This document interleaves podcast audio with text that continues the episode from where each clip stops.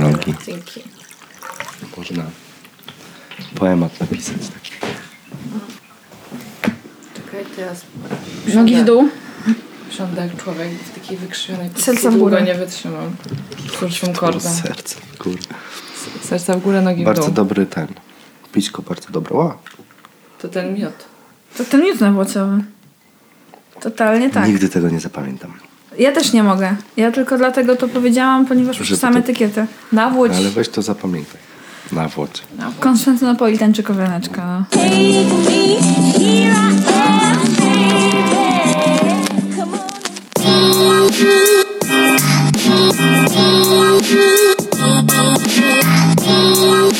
Take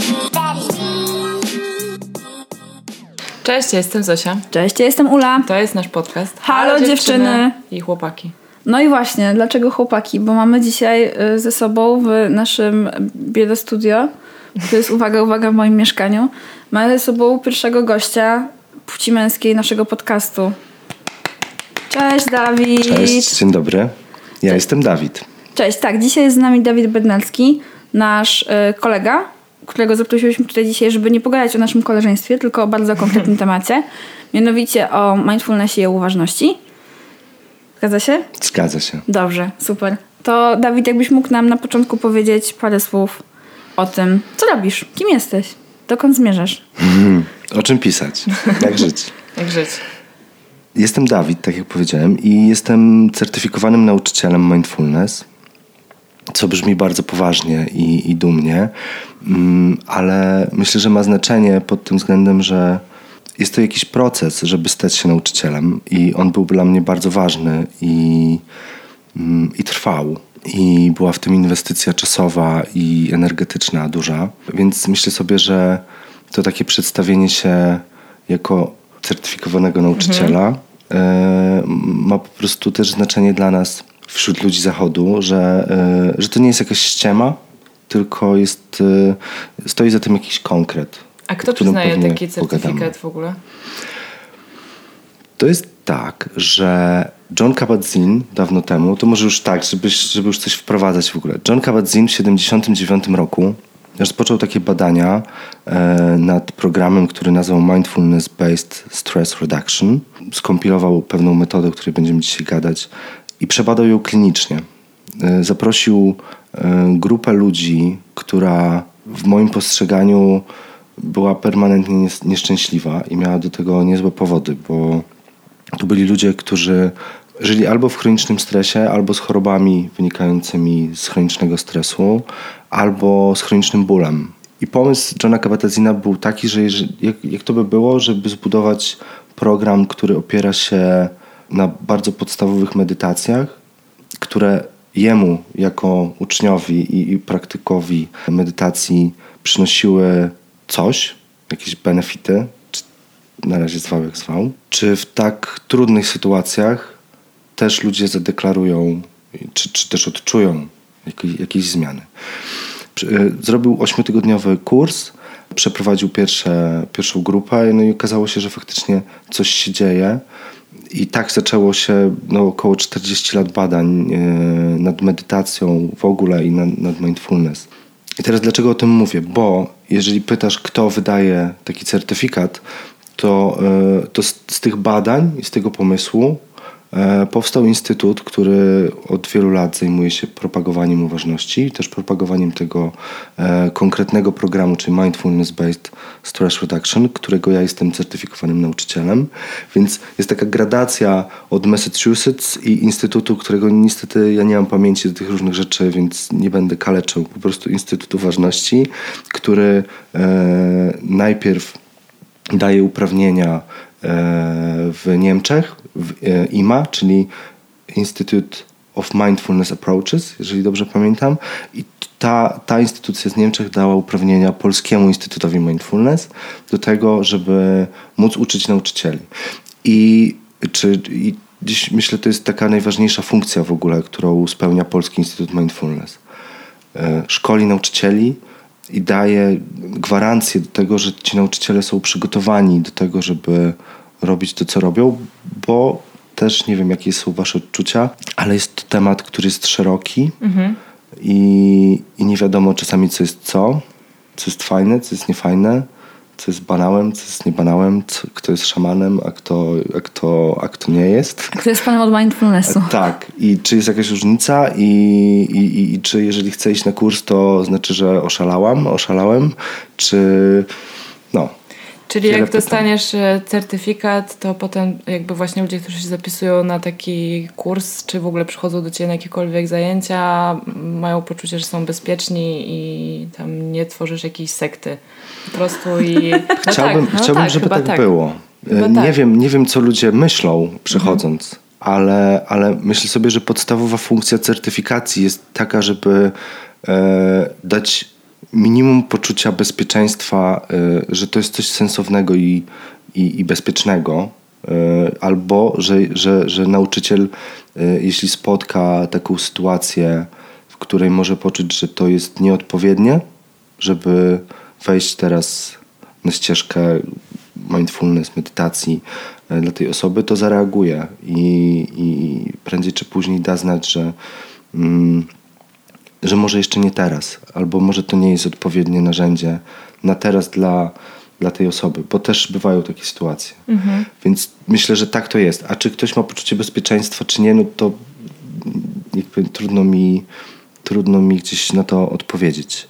Ale, ale myślę sobie, że jest to też istotne w ramach tego, co dzieje się, co możemy oglądać na przykład w dokumentach. Nie wiem, czy, bo jest z jednej strony e, Wild Wild Country o Osho, mocny temat. I to nie jest tak, że mam ochotę opowiadać o Osho, czy się wypowiadać na ten temat, po prostu mocny temat. Był jakiś bardzo e, charyzmatyczny nauczyciel i eksperyment nie wiadomo, czy wyszedł. No doszło do nadużyć Tak. z grubych, delikatnie mówiąc. Tak, taka jest Jeżeli, jeżeli przynajmniej ktoś na opowieść. kampusie kogoś morduje, to generalnie wie, że coś poszło nie tak. Tak, i teraz co, i o co tu chodzi? Albo na przykład y, dokument o Bikramie, który znowu y, przywiózł na zachód metodę, y, która dla wielu jest uzdrawiająca, dla wielu jest w ogóle światłem życia i w ogóle ekstra rzeczą.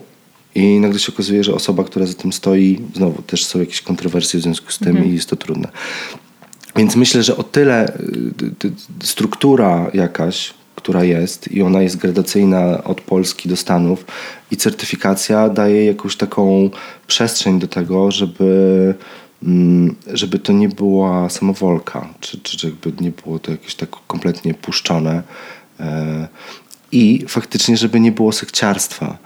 Myślę sobie, że też każdy ma jakoś gdzieś indziej poziom sekciarstwa, że tak powiem, jak potencjometry poustawiane, ale, ale w dużej mierze ja jestem nauczycielem mindfulness i myślę, że ma to znaczenie bardziej niż jestem mistrzem, nie wiem, guru czy przedstawicielem szkoły X na Polskę. Nie? Jakby te wszystkie konotacje, które mogą się też z tym wiązać, z takich jakichś wyobrażeń, ale też i sensownych klisz, które się przekłada z, ze wschodu na zachód, no to są rzeczy, z którymi się też spotykamy i, i, i staramy się je gdzieś odczarowywać trochę momentami. Przynajmniej jeżeli chodzi o mindfulness. No właśnie, Dobra. bo to mamy, mamy mindfulness, wspomniałeś też o takich innych rzeczach. Mogę, jakbyś mógł nam przybliżyć i naszym Tak. słuchaczkom, skąd się w ogóle mindfulness wziął i co to tak naprawdę jest? Przede wszystkim, co to jest mindfulness, więc jak ty jesteś nauczycielem mindfulnessu, to czego ty uczysz? Zacznijmy od najprostszych rzeczy. Mindfulness to jest słowo.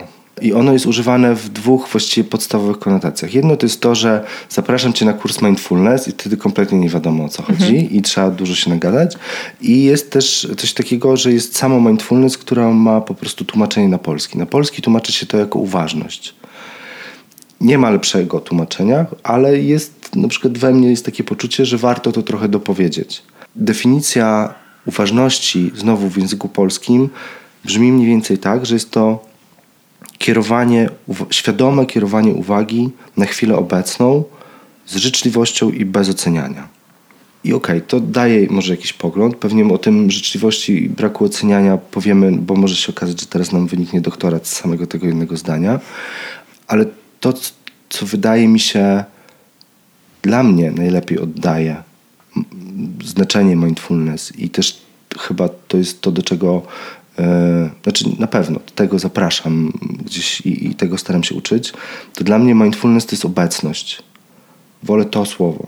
I Tainat Han, który, taki mistrz zen, który mam wrażenie, że przywiózł to słowo na zachód i ono jest na przedzie jego nauczania, on mówi o tym, że mindfulness to jest ciągłe powracanie do teraz. Ciągłe powracanie do teraz. I właściwie to jest do zrobienia i to jest do nauczenia się w pewnym sensie. Czy jakby jest to jakaś taka perspektywa, którą, którą staramy się przybliżyć. Być tu, gdzie się jest, z tym, co się dzieje. I to w pewnym sensie może brzmieć bardzo tajemniczo, a z drugiej strony jest, y, myślę, na wskroś praktyczne, na wskroś zwykłe i proste, w tym sensie taki jakby prosta rzecz, ale łatwo powiedzieć, a trudniej zrobić. Mi się to kojarzy, że to są, wiesz, takie y, easy rules, easy to learn, hard to master. Tak. To jest taki trochę z angielskiego temat, że Tak. łatwo jest to przyswoić, ale wydaje mi się, że trudno to zakorzenić w swoim życiu. Tak, i dlatego są kursy. Dlatego też się zaprasza ludzi na wspólne medytacje albo robi się kursy, bo w pewnym sensie dość prosty jest wytłumaczyć, ok, no nauczę cię tego, że będziesz tam, gdzie jesteś, albo, no, albo postaram się z tobą pracować w taki sposób, że będziesz czuć, co się z tobą dzieje. Będziesz czuć wiatr, jak będzie wiał, będziesz czuć zapach, jeśli będzie i tak dalej, i tak dalej. Tylko, że to są takie obietnice. Yy, nauczę cię, tak? I, jakby, i, I też często mindfulness i nauczyciele mindfulness jakby wpadają w taki w taką opowieść yy, zyskasz to, yy, przyjdź na kurs, bo wydarzy się to i to, albo dzieje się to i to, a chcielibyśmy, żeby było inaczej. Yy, No ale no, taki mamy też język i, i generalnie jak ktoś komuś oferujesz, to trudno nie powiedzieć, co gdzieś tam za tym stoi. Natomiast to, co jest ciekawe, to to, to że myślę, że mindfulness jest bardziej postawą, której, się- którą poznajesz, którą w ogóle dla wielu może być pierwszy raz w ogóle otwarta, że jest taka droga. I myślę, że bardziej uczymy się, czy przestawiamy przez ten kurs e, na tę perspektywę, bardziej niż uczymy się bardzo konkretnej techniki, która codziennie rano wykonana powoduje, że stanie się to i to, albo urośnie mięsień tak, a nie inaczej. No, to też trochę wynika z tej formuły, że tak powiem, kursu, co nie? Idziesz na kurs, tak jak, nie wiem, na kurs angielskiego, więc Tak. y, płacisz pieniądze, idziesz na kurs, oczekujesz, że będziesz umiał, nie wiem, past perfect czy cokolwiek, tak jakby mniejsza z tym. Albo że Więc- w ogóle będziesz umiała mówić. Tak, albo pisać. obcym języku. Dokładnie tak, więc myślę, że to, to, to Albo pójdziesz może... na test i ten test Tak. wykaże, że, Że już umiesz. że fajnie. Tak, że zapłaciłeś, poszedłeś, czułeś się 85% udało. ci się udało. Zdawalność, jej. Tak. No właśnie, a powiedziałeś o tych technikach i o tych w ogóle jakby korzyściach, bo ja bym chciała trochę pogrzebać pod względem tam jakby od czego w ogóle się u ciebie to zaczęło. Mhm. Ale, bo ja na przykład trafiłam kiedyś na, nie na mindfulness, bo mindfulness to jest coś, co mi się jakby kojarzy z tobą, zetknęłam się tak bliżej jestem u ciebie, ale wcześniej Tak. medytowałam, co Tak. nie? I ja medytowałam właśnie, bo kon- konkretnego rozwiązania na problemy z bezsennością. Mhm. Długo cierpiałam na bezsenność, nic nie pomagało, leki nie pomagały, zioła nie pomagały, nie wiem, wróżki nie pomagały, cokolwiek. Tak. Okej, wróżek nie było, ale wiecie o co chodzi. No i pomogła medytacja. Aha. I to była taka medytacja, wiesz, prowadzona z aplikacji, tam jakieś są, nie wiem, A call. pomogła na co? Na to, że zasnęłam w końcu. Że to, po zaczęłam zasypiać. Zaczęłam robić takie medytacje prowadzone przez jakieś tam aplikacje, które były nakierowane na sen. Mhm. Okazało się, że mega działa w ogóle super. No i to działało Mhm. przez jakiś czas i było spoko i uważałam, że to jest właśnie medytacja. To są te apki w ogóle. Nie myślałam Mhm. o tym, żeby pogrzebać skąd to się wzięło albo czemu tak naprawdę to działa. Mhm. Tylko skupiłam się na tym, że okej, to jest prosta technika. Zamykam oczy, robię ciemno w pokoju, puszczam, naciskam play, działa. Elo. Kurczę, a ja to robiłam jeszcze inaczej, bo No. ja e, też czasem mam problem z zasypianiem, rzadko bo rzadko, ale, ale wtedy jak są, to już są bardzo uporczywe. To jest tak, że ja po prostu godzinami się tam turlam po łóżku.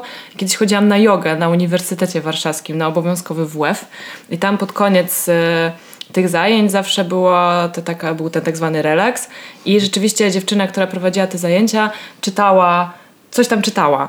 I nie wiem, jak to profesjonalnie nazwać, ale ona generalnie mówiła e, rozluźnij swoje stopy, twoje stopy są bardzo ciężkie. I ona to mówiła takim bardzo monotonnym tonem i to się przesuwało właśnie od stóp w górę aż do twarzy, tam do czubka głowy i przy tym się bardzo dobrze zasypiało. I ja to do dzisiaj czasem robię w łóżku, jak nie mogę spać.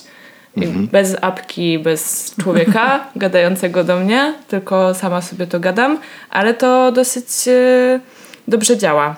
Ale ni- jakby nigdy na to nie spojrzałam tak, że to jest medytacja, nie? Tylko to jest To sposób, być sposób, żeby zasnąć. Tak, dokładnie. Ja, ja miałam właśnie podobne, podobne myślenie, aż do czasu tak naprawdę, kiedy ty ze mną przeprowadziłeś pierwszą medytację, po- pierwsze po polsku, prowadzoną i to już na przykład u mnie dużo zmieniło na bani, bo wcześniej to aplikacje były tylko po angielsku, kiedy ja zaczynałam.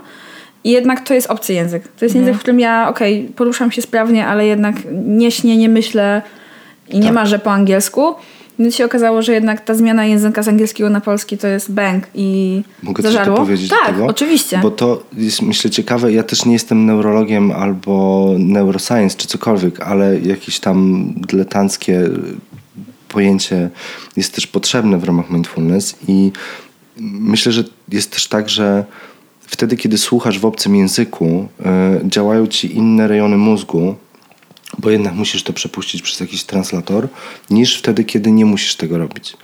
I, I myślę, że dlatego medytacja y, w Twoim ojczystym języku może być łatwiej przyswajalna, czy, czy, czy gdzieś tam no, jakoś tak bardziej dostępna. Niż wtedy, kiedy twój, mimo wszystko w tle twój umysł, albo przynajmniej jeden krasnoludek w twojej głowie jednak tam musi kręcić korbką, żeby to się wszystko zgadzało i, i, i, i- docierało tam, gdzie trzeba. Więc y, może być tak, że to ta zmiana, o której powiedziałaś, bardzo pamiętam ją, tak, to mogło być to. To było, było Że mega. mózg nie pracuje. Tak, w ogóle, że co Nie. innego, co innego się zadziało na bani i w ogóle inaczej to wszystko, jakby to było to samo, tylko że po polsku i w ogóle to inaczej zadziałało, a no a później był jak akurat e, taki, taki taka informacja dla was, ja akurat skończyłam kurs u Dawida w 2018 roku, poszłam na pierwszą edycję i w ogóle wyszłam z Jarana. I właśnie to był taki drugi etap, że mi się medytacja zawsze kojarzyła z czymś jednak bardzo indywidualnym i właśnie może też dlatego, że było tak w nocy przed snami i tak dalej, no to jest jednak dość, dość powiedzmy mała grupa osób wtedy jest ze mną. A jednak medytacja na kursie, czy w ogóle zajęcia techniki kurs to jest coś, co jest grupowe. Więc na przykład to była też dla mnie bariera pewna wejścia, a się okazało, że to jest po prostu inna jakość tego tematu. No ale dobra, to tyle o mnie. E, Jak jeszcze dalej to było u ciebie po tej jodze? u mnie? No? Zero. Ja już nic więcej z tym nie robiłam. Byłam Okej. raz u Dawida na zajęciach takich poniedziałkowych, bo Dawid prowadzi zajęcia w poniedziałki i też właśnie jest to grupowa medytacja. I było to awkward, ale ciekawe. E, e, no, e, bardzo jakby po prostu kompletnie nowe doświadczenie. Ja pamiętam o medytacji takie rzeczy, że mój tata medytował jak ja byłam mała i robił to niestety na wakacjach z nami. I na przykład siadał na plaży i zamykał oczy i go nie było i można było do niego podchodzić i go trącać i mówić tata baw się ze mną, a ten nic, to było po prostu tak frustrujące i wkurzające. Eee, Szacun. no i on, to, tak i, i, i on to robił, ale nie widziałam tego zbyt często. To tak parę razy w życiu na moich A oczach robi to medytował. nadal? Yy, nie sądzę, żeby to robił nadal. Nie. Okej. Teraz robi inne rzeczy, na przykład morsuje. no jak morsuje. No, wchodzi do zimnej wody zimą. Więc po naszym y, przechwalaniu się, jak to my medytujemy, jakie my nie jesteśmy fajne i od czego zaczynałyśmy, to y, chcemy usłyszeć, jak to się u ciebie zaczęło, skąd to się wzięło, skąd potrzeba, pomysł i tako. Postaram się zrobić long story short. Zaczęło się od kryzysu.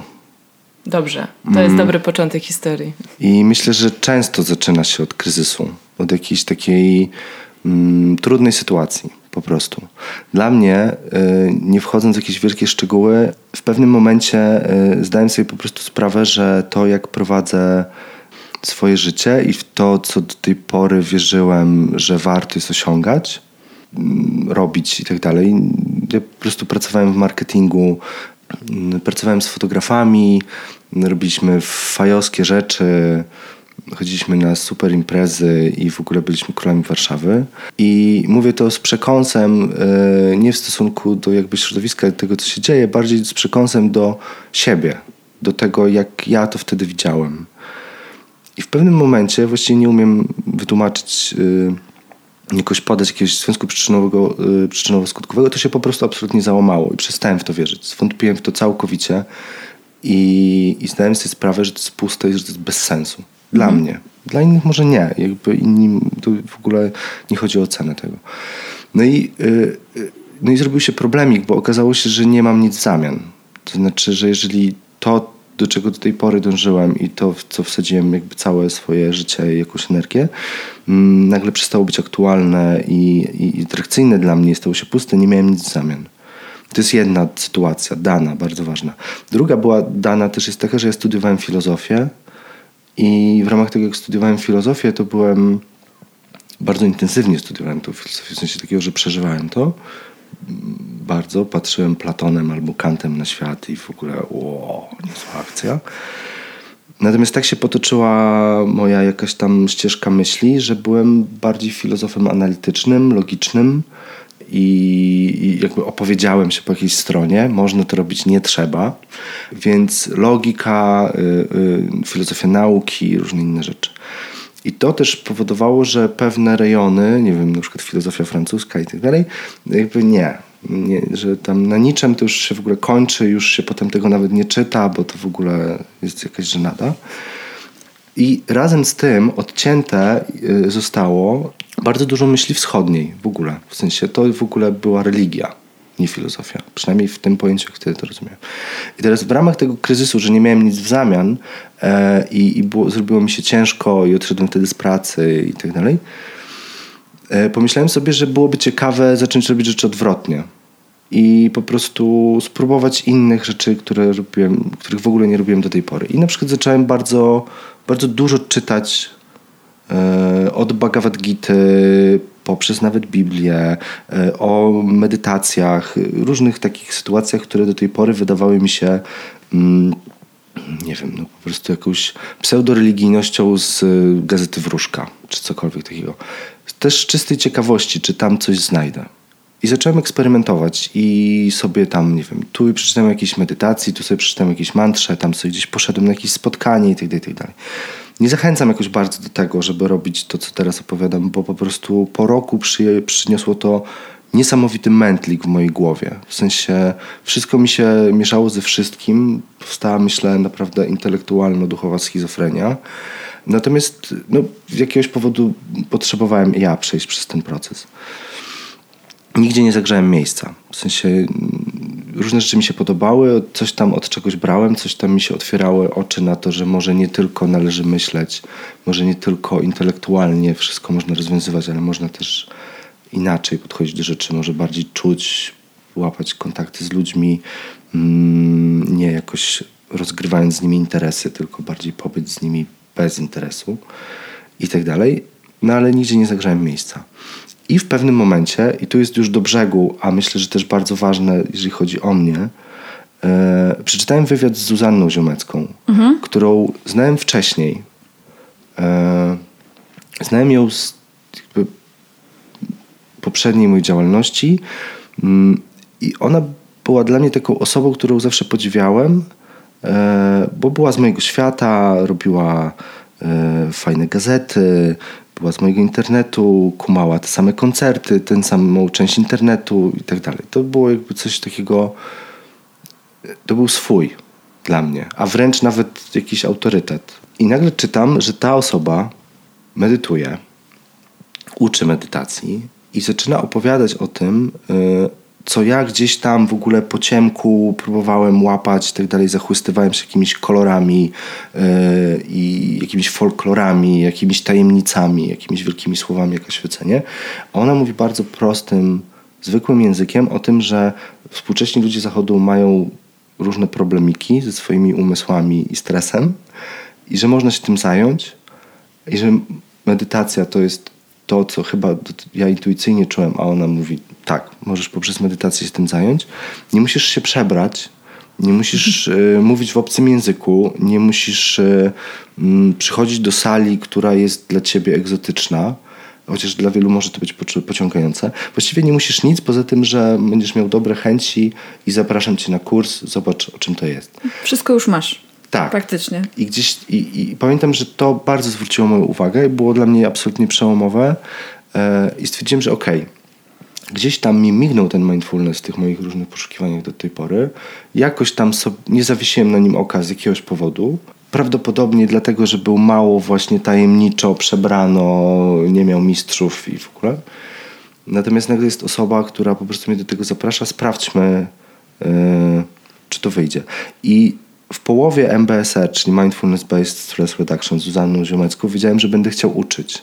Że, że, że, że, że, chcę po prostu zostać nauczycielem, bo poczułem, że te wszystkie gdzieś tam tęsknoty i jakieś potrzeby, które się pobudziły w tym kryzysie we mnie, jest tu na to może nie tyle odpowiedź, co jest na to reakcja, są jakieś narzędzia i, i drogi, ale nie muszę nic takiego, co budzi we mnie jakieś wątpliwości, czy jest kontrowersyjne. Nie wisi, nie wiem, yy, wizerunek czyjś w sali, w której medytujemy i tak dalej. i tak dalej. To były rzeczy, które na mnie działały. Nie chciałem właśnie sekty, yy, co oczywiście jest uproszczeniem dużym, ale, ale to było coś, co odrzucało mnie yy, od różnych miejsc, w których byłem do tej pory, a tu masz wolność. Nie ma dogmy. Znaczy są, są pewne rzeczy, nie? Są ale... pewne rzeczy, ale tak, ale nie ma dogmy. Tak, tak.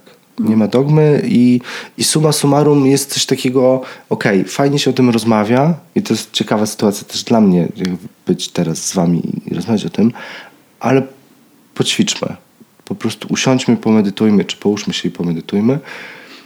Wtedy może się okazać, że ta rozmowa ma więcej sensu, bo, bo, bo fajnie się rozmawia o medytacji, czy fajnie się zachęca do niej, czy opowiada o jej benefitach, e, ale real jest, y, jest inaczej przeżywany i doświadczenie e, to jest w ogóle dopiero ten moment, kiedy zaczyna się pracować. Aż do tego momentu, tak się trochę wychylę, że pamiętam podczas kursu nauczycielskiego e, jedna z nauczycielek kiedy w przerwie na tym zjeździe przeglądałem jakąś książkę o mindfulness, tam chyba tą, którą mieliśmy zadaną, i jedna z nauczycielek do mnie podeszła i powiedziała: Wiesz co, Dawid, lepiej by było, żebyś zjadł uważnie jabłko, niż czytał kolejną książkę mindfulness. I pamiętam, że to też jakoś tak mnie bardzo otrzeźwiło, że słowa, słowa, słowa spoko, albo wyobrażenia, wyobrażenia, ale samo praktykowanie to jest dopiero to, że, że faktycznie coś się dzieje. Myślę, że trzeba y, najpierw się, znaczy, bo w ogóle jakby ktoś mi powiedział zjedz uważnie jabłko, to myślę, że nie wiedziałabym o co chodzi. E, więc zakładam, że bardzo wiele osób jakby zanim mm, zje uważnie jabłko, to potrzebuje jednak się uchwycić czegoś. Czy to jest książka, czy to jest właśnie artykuł w necie, jakby uchwycić się chociaż kilku podstawowych zasad, żeby móc to jabłko spróbować uważnie zjeść, bo myślę, że zjedzenie uważne jabłka jest bardzo trudne. Zwłaszcza, że też jakby, jak mówiłeś, Mhm. my jesteśmy jednak analityczni. Jako ludzie zachodu powiedzmy sobie bardziej jest to u nas ceniona Tak. logika, analityka, tak, jakby i takie rozkminianie rzeczy, rozkładanie Mhm. czynniki pierwsze, a nie czucie, więc wydaje mi się, że na przykład mentalnie faktycznie dużo ludzi może mieć problem z przeskoczeniem tego. Znaczy ja jestem w ogóle zawsze największą fanką teorii i ja bardzo potrzebuję mieć teorię wszystkiego i jak zaczynam się czegoś nowego uczyć, to mnie jest na przykład strasznie ciężko w ogóle zacząć samej, nie? Jakby jak ja chcę się czegoś dowiedzieć do, o fotografii, to bęk, ja idę na kurs fotografii, bo po prostu dla mnie artykuł w internecie nic mi nie tłumaczy. Musi być człowiek, który mi pokaże ten guzik, to pokrętło i to wtedy będzie działać, ale muszę tę teorię przyswoić, bardzo tego potrzebuję, żeby w ogóle od cokolwiek rozpocząć i mam wrażenie, że w ogóle dużo ludzi tak ma, bo czuje się bezpieczniej jakby posiadając ten background teoretyczny. Ale background teoretyczny jest super. To i w ogóle intelekt też jest ekstra. To w ogóle nie jest o tym, że, Że nie. że nie, albo że odrzucamy, albo że teraz rewolucjonizujemy wszystko. E, Zresztą same wiecie, ja mam mało zrewolucjonizowane życie, bo jestem kreatywnym, eventowym, pracuję w agencji, e, mam deadline'y, odbieram maile, e, mam dwójkę dzieci, więc jakby jestem w tym całym, w tym samym kociołku, myślę, co też ludzie, którzy przychodzą do mnie na kursy. Więc też borykam się z tymi samymi problemami i ćwiczę na tych samych albo podobnych problemach jak, jak oni. Ale wracając do teorii, ciekawe po prostu jest to, że teoria jest super, ale łatwiej jest przyswajalna i ma dużo więcej sensu, kiedy jest bardzo połączona z praktyką. I tak jak powiedziałaś o, o fotografii teraz, powiedziałaś o kursie, że idziesz na kurs i ktoś ci pokazuje. I to jest teoria, ale też jakby jest ten aparat, jest ten człowiek, który Tak. mówi tak, nie, nie, nie tak, troszkę tam w lewo. I, i ty masz, a okej, wiem. I już i, i, i w pewnym sensie ta wiedza, która jest teorią, ale jest równocześnie praktyką. I, myślę, że bardzo kursy mindfulness są o tym.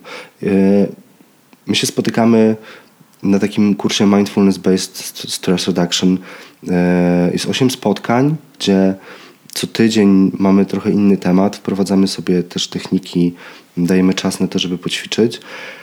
E, I praktyka jest zawsze okraszona czy komentarzem, czy rozmową o tym, co się dzieje, jakie są problemiki, e, co poszło, co nie poszło, m, co nam się wydaje, że to jest dobra medytacja, a co nam się wydaje, że to jest zła medytacja. Więc za każdym razem jest to takie nastawianie pewnego światła i, i, i, i, i tego. Mm, i tego o co chodzi, bo w dużej mierze myślę sobie, że ten kurs jest takim procesem odpowiadania na pytanie, co to jest mindfulness. E, ż- i, I dzisiaj sobie o tym rozmawiamy i pewne rzeczy może będą jasne, a może będą super niejasne. E, natomiast myślę, nie wiem jakie było twoje odczucie Ula, ale, ale tak jak patrzę na jakieś doświadczenia kolejnych grup i na to, jak, jak, jak, jak to się wszystko wydarza, to mam wrażenie, że my i ja towarzyszę ludziom przy tym, bardziej niż daję tę odpowiedź. Próbujemy jako grupa odpowiedzieć sobie od- na pytanie, co to jest mindfulness, czego my się tak naprawdę chcemy nauczyć. I, I w pewnym sensie uważność jest jedna, czy obecność jest jedna, a w pewnym sensie ma wiele odcieni. I dla jednego to jest to, a dla innego to jest tamto. W tym sensie takiego e, wypowiedzianego benefitu. Nie? No bo wracając do, tej, do tego Korzyściowego systemu. tak, korzyściowego systemu i tego, jak się komunikujemy tutaj, co mi to da, jaka będzie wypłata. I w dużej mierze moja odpowiedź jest taka, że pogadajmy i dowiedzmy się najpierw, czy, czy, czy, czy wspólnie pobadajmy to, co u ciebie, w sensie, co ci sprawia kłopoty, czy ty bardziej masz tak, że nie możesz zasnąć właśnie. Jeśli nie możesz zasnąć, to dlaczego nie możesz zasnąć? Czy to jest przewlekłe zmęczenie i twoje ciało nie może zasnąć? Czy na przykład masz, masz e, natarczywe myśli i rozkminiasz przeszłość albo przyszłość w ogóle i to powoduje, że nie śpisz, ale jak śpisz, to właściwie śpisz nadal rozwiązując problemy. To są inne rzeczy. W związku z tym też inna może być korzyść, więc o tyle to nie jest tak, że dla każdego coś dobrego, coś ślicznego. Bardziej chodzi o to, że jesteśmy różni, mamy różne potrzeby, ale mindfulness w dużej mierze, myślę, pomaga ludziom w tym, żeby być bardziej obecnym w tym, co się dzieje. I jeden z autorów y, propagujących mindfulness powiedział coś takiego, chyba nawet taki tytuł ma książki. Y, 10% więcej szczęśliwy. I jest w tym jakaś obietnica, jest w tym jakiś handelek marketingowy, ale to 10% to jest bez przesady. Nie? I, I myślę sobie, że tak jest tym mindfulness, że przestawiają się zwrotnice i to 10% czy 30% więcej korzystania z życia, bycia w tym życiu, bardziej niż w swojej opowieści, w swojej głowie, w swoich myślach, w swoich problemach, w swoich e, mm, bolączkach i, i w umyśle po prostu bardziej niż tu, gdzie woda smakuje, gdzie jest jakaś temperatura i gdzie też jest szansa na uśmiech, czy gdzieś jest szansa na fajny spacer, czy gdzieś jest szansa na to, że ktoś, kto jest niepunktualny, przestanie być niepunktualny. Nie? W sensie takiego, to jest bardzo o realu. Jeżeli się jasno wyrażam. To jest, nie, nie, no to jest konkret. Po pierwsze 10% to już jest jakaś konkretne, wiesz, Ja myślę, tutaj już mamy liczbowo, tak. liczbowo mamy, Tak, nie? tak, 10% to już Mózg jest, się przywiązuje to jest do tego. spory discount już, umówmy się. Mhm. Szczególnie jeśli cena jest wysoka, a życie jest, no, Drogie. drogie. Najwyższa cena. Eee, no tak, więc to, to, to jest konkretna sprawa. No i też ten real, nie? Że to jest jakby o tym, że tu do- dotykam koca, on jest miękki i ciepły, załóżmy, tak? Że Tak. to jest właśnie nie... Bo sobie chyba ludzie wyobrażają często, ja sobie zawsze wyobrażałam, że, że w ogóle medytacja, ten mindfulness to jest właśnie trochę taki pustelnik gdzieś tam zamknięty w jakiejś wieży albo lewitujący nad jakimś jeziorem, a to jest bardziej przyziemne tak naprawdę. Myślę, że tak. To, to, o czym mówisz, to jest klisza ze wschodu i ona jest bardzo pociągająca i myślę, że dlatego e, nadal bywa podsycana. Nie zmienia to też faktu, że są pustelnicy, którzy gdzieś tam siedzą i medytują. I, i są szkoły nadal, czy y, klasztory, gdzie, gdzie są odosobnienia, y, idzie się w górę i pewnie coś pomylę, ale chodzi o samo jakby narysowanie, jakie to jest wyzwanie. Jak ktoś idzie w- górę, siada, y, siada w jakimś tam kanciapce po prostu drewnianej i siedzi tam 3 lata, 3 miesiące i 3 dni. I, i medytuje, śpiewa mantry, czy, czy, czy, czy robi jakąś inną instrukcję, którą dostał od mistrza, przynosi się mu jedzenie i tak dalej. To się nadal dzieje i, i okej, to w ogóle mm, to, ma- jest, to jest to, tak? To jest po prostu tamta szkoła, tamten sposób medytowania, tamta opowieść gdzieś tam. Natomiast to, co, y, to czego, do czego my zapraszamy zapra- jako nauczyciele mindfulness e, i do czego zapraszam ja, to jest pomysł Johna Kabat-Zina, bardzo prosty.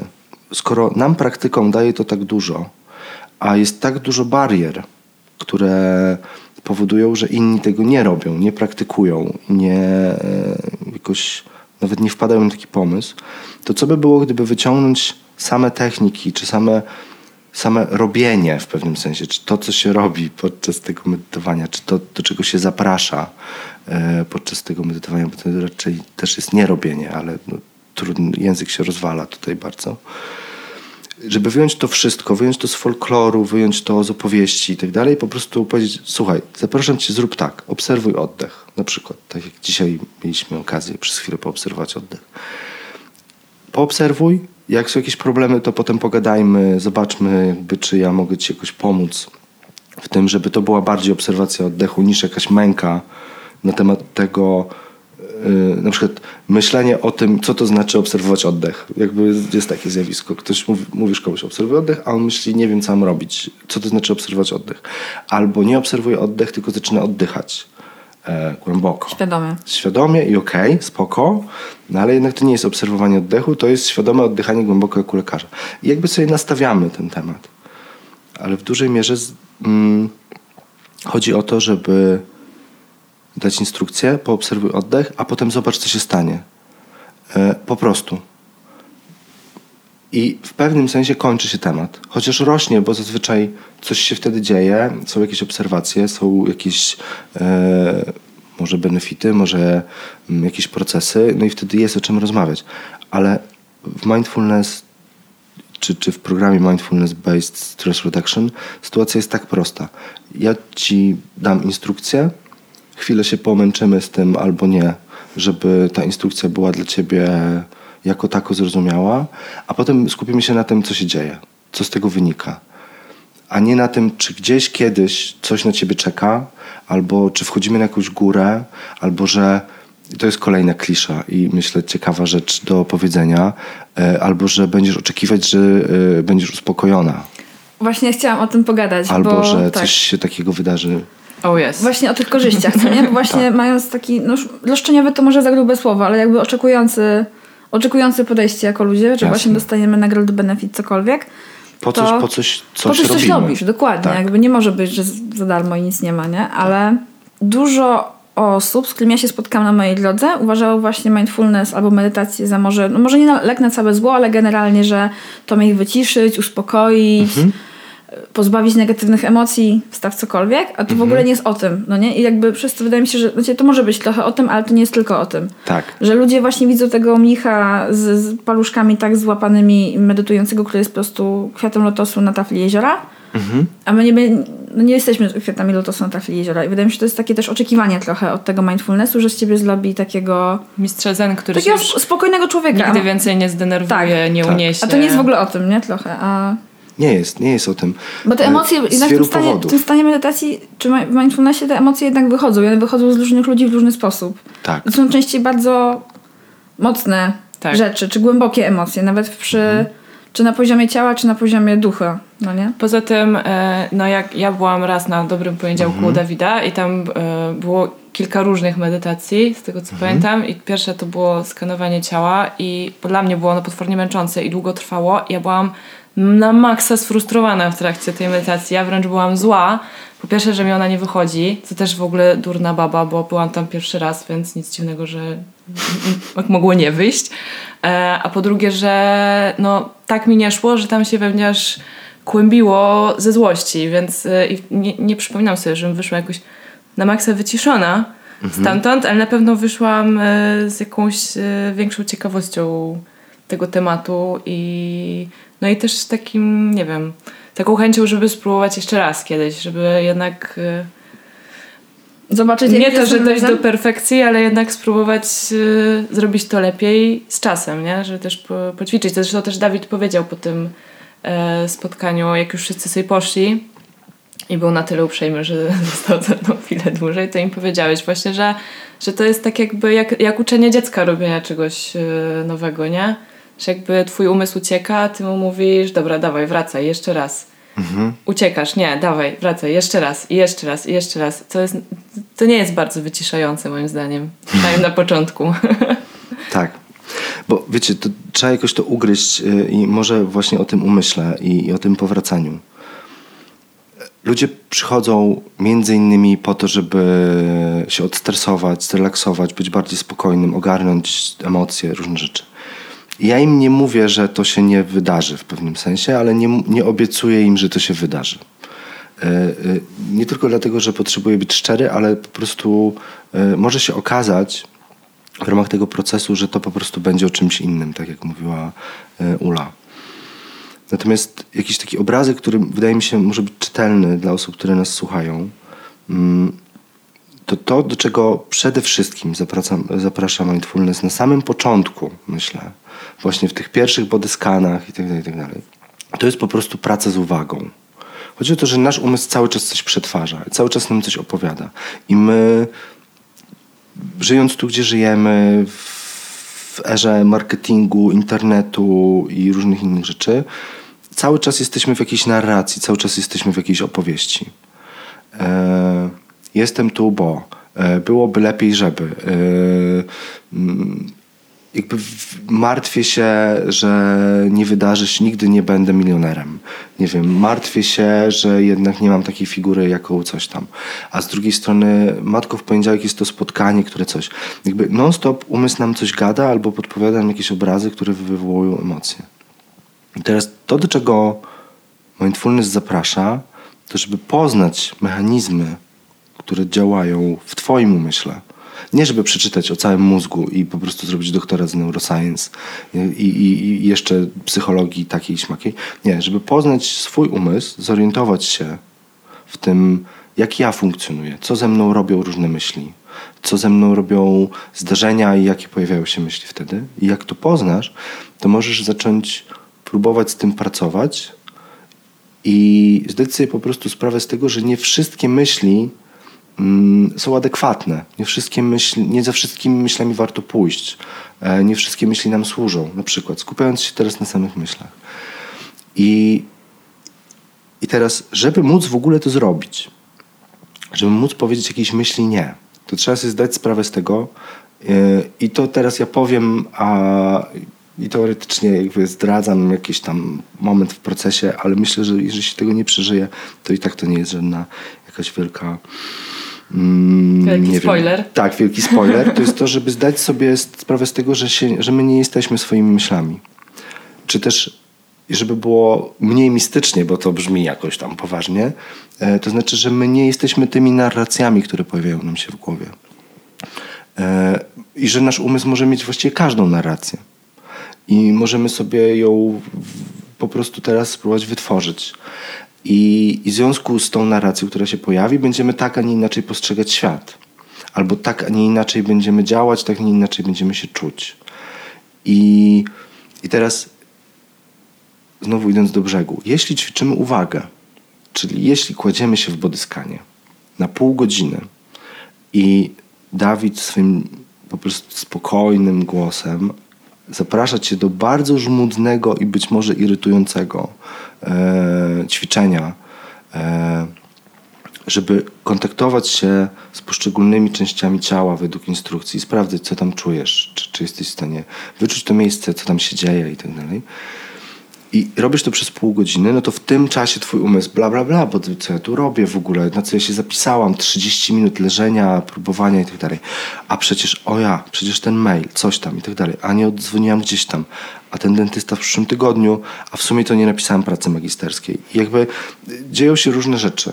E, mogą się też żyć przyjemne, bo oczywiście najłatwiej się mówi o tych negatywnych, czy o tych, które nas gdzieś tam drenują. Ale i teraz wracając, jeśli kładziesz się na pół godziny i masz taką instrukcję. Gdziekolwiek cię nie zabierze umysł, cokolwiek ci teraz nie opowie, przez te pół godziny ćwiczymy.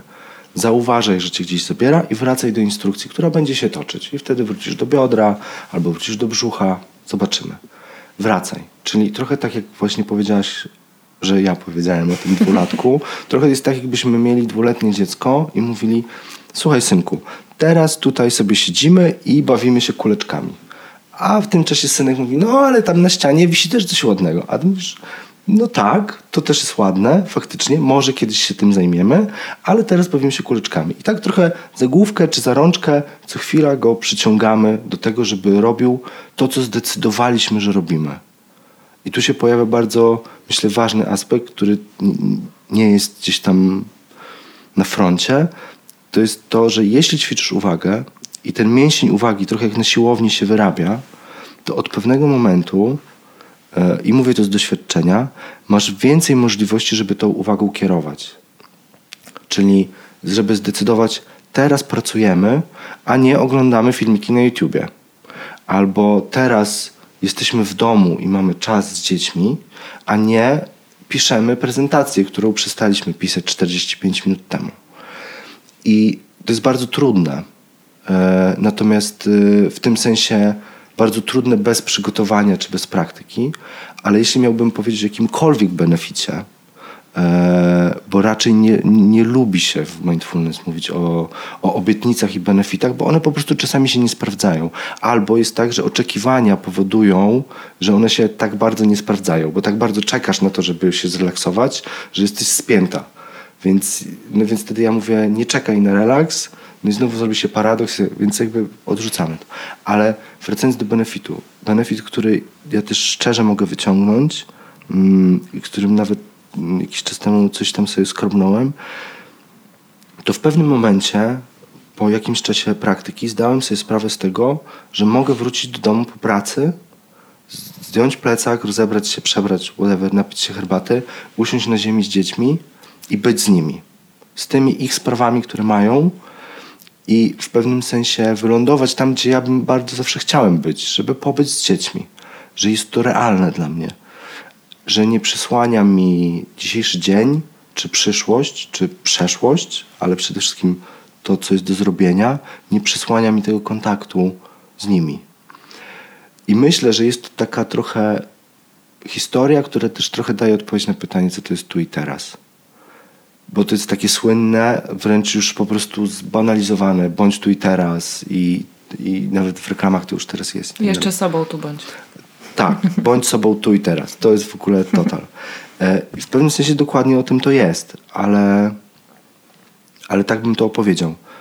Co to by, znaczy być tu i teraz? To znaczy wrócić do domu, zdjąć plecak, mimo tego, że masz ważny projekt do oddania za dwa dni, to masz taką przestrzeń, żeby oddać się temu, że przez półtorej godziny, dwie godziny, whatever, e, jesteś z dziećmi i jesteś faktycznie z nimi. Faktycznie to przeżywasz, śmiejesz się z tego, co one, e, budujesz z nimi klockami, jesteś obecny.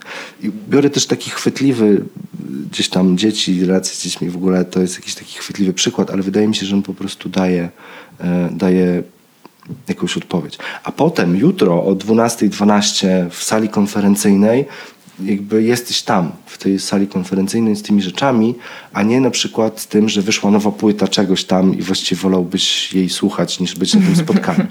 Czyli, że ta opcja kierowania uwagi, nawet nie kontrolowania, myślę, bo to znowu jest jakaś taka obietnica, która może być nie do końca spełnialna, ale więcej możliwości kierowania uwagą. Robimy teraz to, a nie coś innego.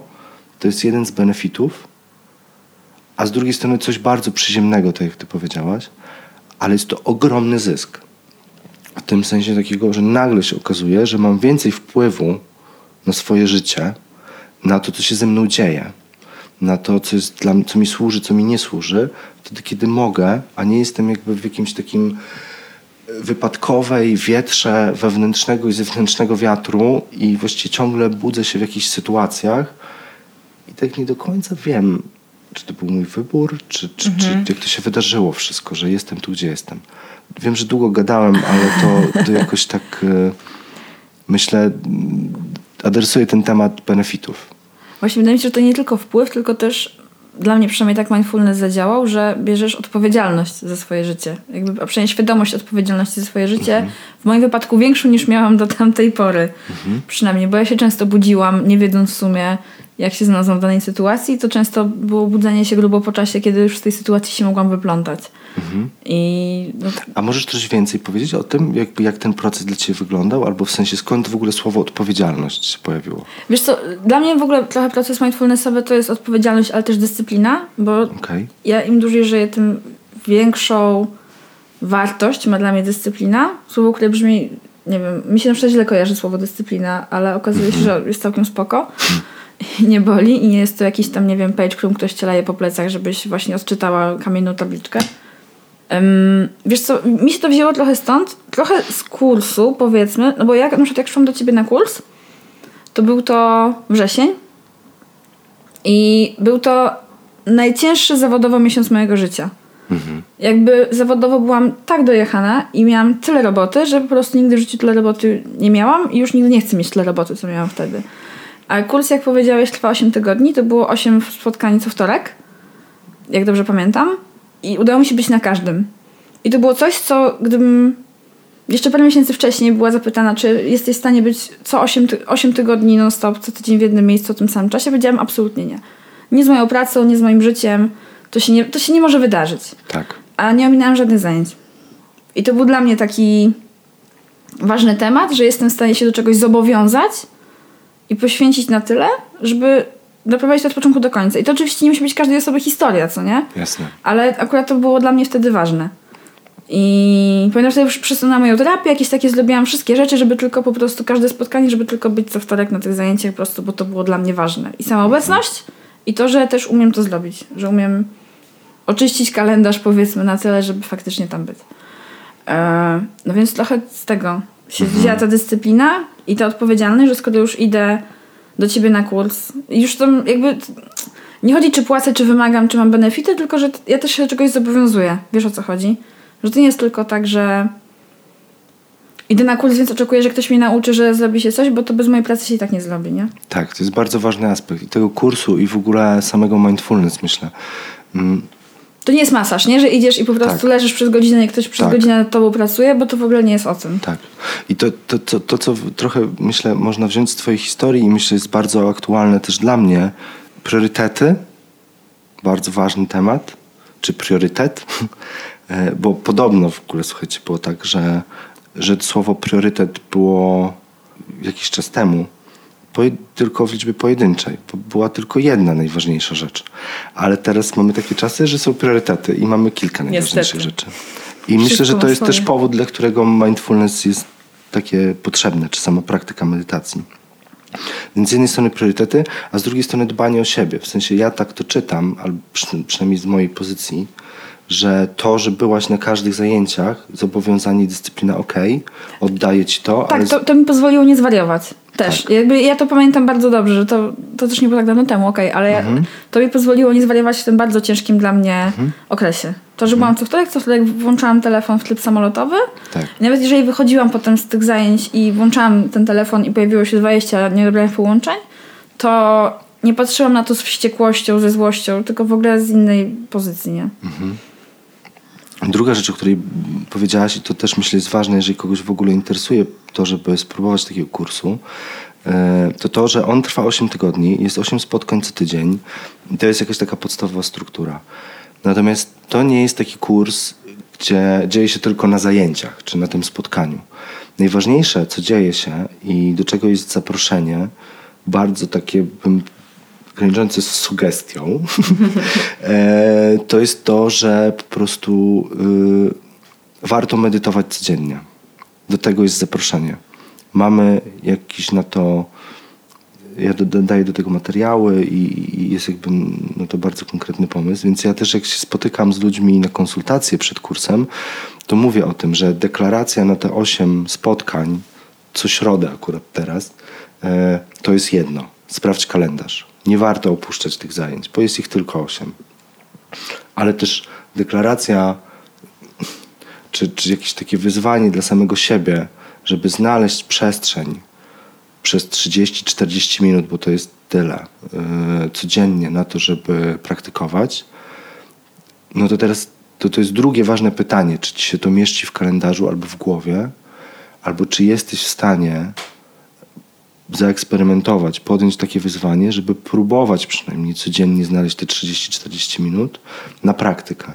Z jednej strony to jest obowiązek, dyscyplina, bla, bla, bla, chociaż ja staram się to opowiadać trochę inaczej, to znaczy, że to jest bardziej, że to są bardziej dobre chęci, w sensie ja cię zapraszam do procesu, który e, zakładamy, że może ci jakoś pomóc, e, więc zaufaj temu i, i wejdź w te zasady po prostu, z takimi dobrymi chęciami bardziej niż tym, żeby nałożyć kolejny obowiązek na siebie. Bo jeśli nałożysz kolejny obowiązek, to nie wytrzymasz prawdopodobnie, albo po prostu, albo będzie ci trudniej. Jeszcze trudniej od tego, że, że, że zapisałaś się na kurs, który ma ci pomóc pracować ze stresem. Nie chcemy tej pętli. E, ale z drugiej strony po prostu trzeba zdać sobie sprawę z tego, że to jest kurs, który jest wymagający. W sensie, jeśli się nie medytuje pomiędzy tymi spotkaniami, to właściwie nic się nie dzieje. No To jest trochę tak, jakbyśmy mm, zapisali się e, na siłownię na dwa miesiące, na konkretny trening e, i po prostu nie chodzili. I potem na końcu mm, przyszli się zapytać, czy można poprosić o, o tam jakby dyplom i czemu nadal mój brzuch jest jaki był. E, to ćwiczenie pomiędzy jest bardzo ważne.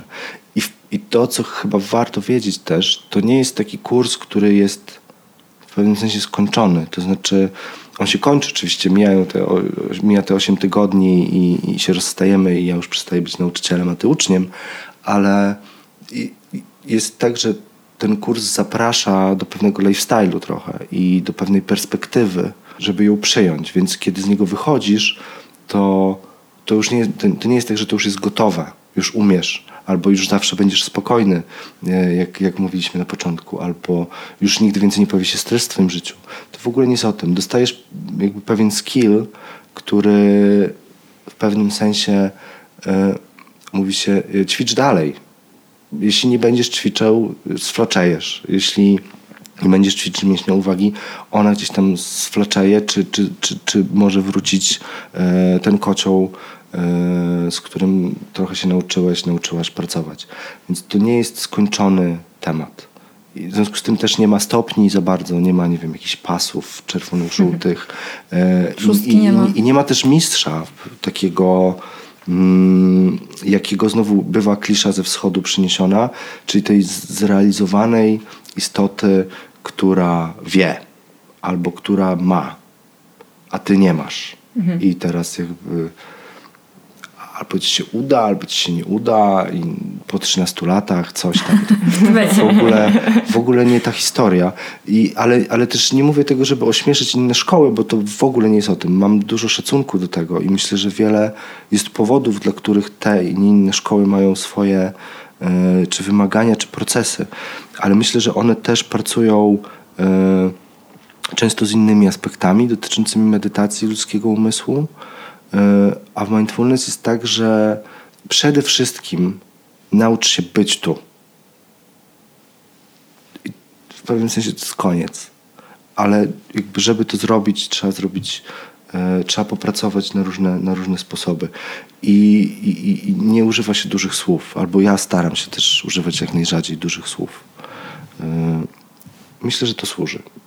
W takim razie, skoro już jakby gdzieś tam li- liznęliśmy, gdzie to jest i co to jest i jak to się robi i o co w tym chodzi, to może powiesz nam, czy jest jakiś sposób, żeby zacząć przygodę z mindfulnessem?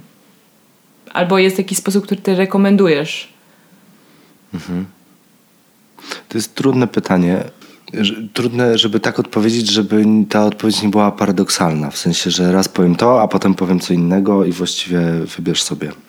Jeżeli ktoś się potrzebuje, jeżeli ma taki umysł, że potrzebuje się zorientować, czyli jakby co to jest, jaka jest wypłata, jakie są ćwiczenia i tak dalej, to myślę, że e, można poszukać trochę na YouTubie jakichś przykładowych medytacji, czy jakichś przykładowych opowieści, wykładów, czy, czy jakichś filmików o tym, tak, żeby coś tam sobie zmapować.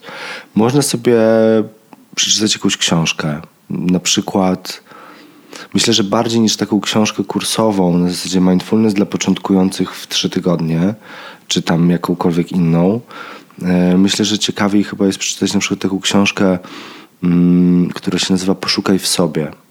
To jest e, e, książka człowieka z Google'a, który wprowadził mindfulness do, do organizacji i stworzył właściwie swój program, który nazwał Search in Yourself. Musiało być słowo search, bo to jest Google. Mm, on ma dosyć egzotyczne nazwisko, ja nie mam tego pamięci. W każdym razie poszukaj w sobie albo Search in Yourself po angielsku. I to jest książka, która myślę wprowadza temat mindfulness i też wprowadza trochę inteligencji emocjonalnej w lekki, zrozumiały, pokazany na ćwiczeniach, ale nie takich trudnych ćwiczeniach sposób. Więc można się zorientować, z czym to się je. Natomiast jest też opcja taka, żeby po prostu sobie y, wziąć Headspace'a albo Calma, czyli wybrać sobie jakąś apkę i zacząć z apką i zobaczyć, co to ze mną robi, czy ja w ogóle jestem w stanie położyć się i słuchać głosu, który mnie prowadzi albo mnie namawia do czegoś, żeby jakoś tam coś robić, czy jakoś patrzeć na rzeczywistość. Czy to jest dla mnie do przeżycia? Mm, czy ja mogę usiedzieć na przykład yy, przez trochę i, i co to ze mną robi i tak dalej. Natomiast to, co bym najbardziej rekomendował, to jednak faktycznie jak najszybsze spotkanie z nauczycielem. Nawet na konsultację. Niekoniecznie na kurs. Jeżeli to w ogóle jest coś, co Cię interesuje i chcesz zbadać. Ponieważ nie wiem, czy to wybrzmiało do tej pory, czy nie, ale rozmawianie o medytacji albo czytanie o medytacji to jest trochę jak czytanie o tenisie.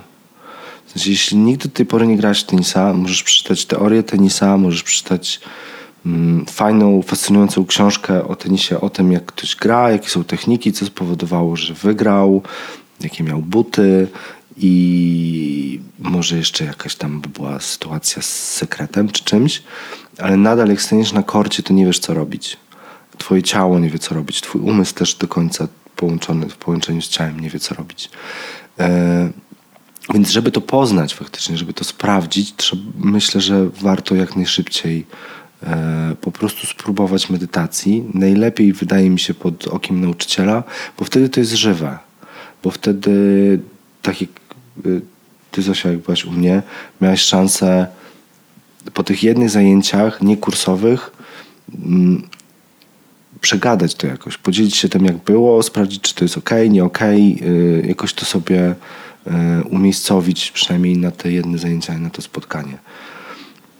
Bo to jest perspektywa i myślę sobie, że język często yy, się po prostu gubi, ale najważniejsza, najważniejsza rzecz jest taka jeszcze, że my czytamy i przyjmujemy wiedzę intelektem, mm, załatwianiem spraw, racjonalizacją itd. A mindfulness w dużej mierze i medytacja jest zaproszeniem do tego, żeby wyjść z intelektu. Więc czytanie o wychodzeniu z intelektu jest, yy, no jest myślę, paradoksalne. I trzeba poćwiczyć. Ja mogę powiedzieć z mojego doświadczenia, bo ja jestem człowiekiem, który kocha po prostu czytać książki i to takie jakieś tam. Ćp- ja ćpię wiedzę. Mhm. Konsumuję wiedzę po prostu z każdego źródła. Jak coś mnie interesuje, to po prostu masakra. Ale mindfulness był taką rzeczą w moim życiu, gdzie nie byłam w stanie tyle tej wiedzy ćpać. Po prostu. Ja spotkałam się z tym bardzo rzadko u siebie, że ma, jest korek i koniec. Ja nie mogę czytać książek o mindfulnessie na przykład. Przy- Przynajmniej nie mogłam wcześniej, bo właśnie było to dla mnie kompletnie niezrozumiałe. Miałam taką jedną książkę, którą próbowałam przeczytać przed kursem, powiedzmy sobie kiedyś tam dawno. I po kursie dopiero byłam w stanie ją przeczytać, bo byłam w stanie zrozumieć, co autor miał na myśli, co autor do mnie mówi. Do czego się odnosi w ogóle? A tak, o co chodzi po prostu w tej książce? Bo bariera mojego wejścia czy braku mojego doświadczenia była na początku za duża, ale mi się wydaje, że medytacja z ludźmi, wśród ludzi, czy na kursie, czy na pojedynczych zajęciach, to jest po prostu kompletnie inna jakość. I to nie ma, nie jest o tym, czy jesteś introwertykiem, czy ekstrawertykiem, czy lubisz ludzi, czy nie, tylko to jest po prostu coś kompletnie innego. I osadzenie się w tej przestrzeni, w czasie i w obecności, to po prostu dla mnie przynajmniej zmieniło zmieniło to doświadczenie całkowicie. Nie mówię, czy jest lepiej, czy jest gorzej, bo po prostu teraz potrzebuję czegoś grupowego, czas- czasem indywidualnego, ale naprawdę zmienia moim zdaniem doświadczenie. Tak, więc jak najszybciej spróbować medytacji w jakikolwiek sposób, zobaczyć co się dzieje. Czy z apką, czy może z jakąś instrukcją z książki, ale rekomendowałbym spotkanie z ludźmi zdecydowanie. Albo na takich zajęciach, jakie ja prowadzę, mm, czyli po prostu dobre poniedziałki z mindfulness, które robię na Żoliborzu w Warszawie. Tam można po prostu przyjść. E, przychodzisz na półtorej godziny zajęć, płacisz jak, nie wiem, jak za zajęcia jogi i w ogóle i możesz zobaczyć, co, co to ci daje. I, I oczywiście jest tutaj przestrzeń do tego, żeby ktoś powiedział, e, to nie dla mnie, bo się zmęczyłem. E, I jakby jest tutaj ryzyko. No ale też jak pójdziesz na siłownię albo pierwszy raz na jogę, to też będzie cię bolało i się zmęczyłeś. Więc tyle przestrzegam wszystkie zmęczone po pierwszym razie osoby, e, żeby jakby trochę inaczej na to patrzeć, szerzej. No właśnie, a powiedz może w takim razie, czy medytacja mindfulness, czy to jest dla wszystkich? Myślę, że nie. Myślę sobie, że to, co daje medytacja mindfulness, jest dla wszystkich. Myślę, że są inne drogi. Żeby nie filozofować jakoś bardzo, miałem taką sytuację na konsultacji, yy, ponieważ ja się spotykam przed, ze wszystkimi osobami, które mają ochotę wziąć udział w kursie, na to, jaka jest historia. Mm, ja się po prostu z nimi spotykam na godzinę półtorej i rozmawiamy. Czego tu jesteś? Dlaczego ja tu jestem? Dlaczego ja cię zapraszam? Czego ty potrzebujesz, oczekujesz? Czy jesteś tu z powodu stresu, ciekawości, rozwoju, różnych rzeczy? Gadamy. Ja też wtedy opo- opowiadam trochę bardziej konkretnie o kursie, jakby jakie są tam między ćwiczenia e, i czego wymagają i tak dalej. I zdarzyło mi się, że podczas opowiadania o tym, że e, że podczas medytacji siedzących, czyli takiej trz- trzeciej, czwartej techniki, którą wprowadzamy, czy praktyki, którą wprowadzamy, po prostu siedzi się przez 30 minut e, w miarę możliwości bez ruchu, chociaż to nie jest takie konieczne. Nie, nie, nie, nie nie ma nacisku na to. Ta osoba po prostu zbladła i, i dotarło chyba do niej to, co gdzieś wcześniej padało i mogło być zauważone. I ona powiedziała, słuchaj, ja nie dam rady. I,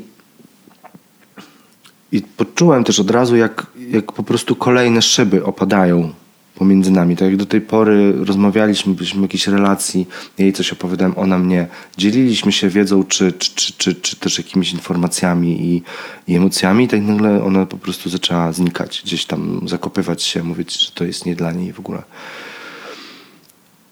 I mniejsza o to, jaki był powód i czy ona miała rację, bo to jakby nie o tym. Bardziej chodzi o to, że jeżeli jest tak, że czujesz, że to jest nie dla ciebie, albo, y, albo w, masz taką opowieść, że nie usiedzisz, albo nie masz takiej chęci, żeby spróbować, że usiedzieć, żeby usiedzieć, to pewnie to nie jest dla ciebie. E, bo w dużej mierze też ideą mindfulness jest to, że się nie męczymy, że dbamy o siebie, że widzimy siebie, swoje potrzeby, widzimy e, to, co mnie e, uczy, rozwija, to, co jest mi potrzebne dla wzrostu, czy tego, co jest zaniedbane. Więc jakby jako nauczyciel mindfulness nie mogę komuś powiedzieć, nie, sorry, mylisz się. Im bardziej mówisz, że nie usiedzisz, tym bardziej tego potrzebujesz. To w ogóle nie jest ta droga. Może się po prostu okazać, tak żeśmy faktycznie to spotkanie zakończyli, że może dla niej ruchowe zajęcia, które też, i to wszelakie mogą być ruchowe zajęcia, w tym yoga e, i w tym yoga lek, lekka, bym powiedział, w tym sensie takiego z lekką dynamicznością jak Iyengaroska, czy z mocną dynamicznością jak Ashtanga czy Bikram może się okazać, że do teraz łatwiej tej osobie będzie pójść bezpośrednio przez ruch i przez ciało, a nie przez to, że będzie leżeć długo albo siedzieć długo. Więc pod tym względem myślę sobie, że samo mindfulness może być nie dla każdego, e, bo jeżeli ktoś ma tak dużo, że nie jest w stanie usiedzieć e, i e, i nie, nie podejmie się gdzieś tam tego wyzwania nie, nie, nie, nie, no to okej, no to nie. Nie ma problemu. Jakby to nie chodzi o to, że to jest jedyna droga i trzeba kogoś zmusić. Ale mam też taki przykład osoby, która, e, która powiedziała mi, że ma ADHD po prostu. Bez względu na to, jakby, jaka, jak, co myślimy o ADHD, ale i że może być jej bardzo trudno właśnie siedzieć, pobyć i tak dalej i co ja na to. Ale czułem, że zresztą też konsultowałem się ze swoją mentorką w tej sprawie i czułem, że jest tam chęć i determinacja, żeby pracować.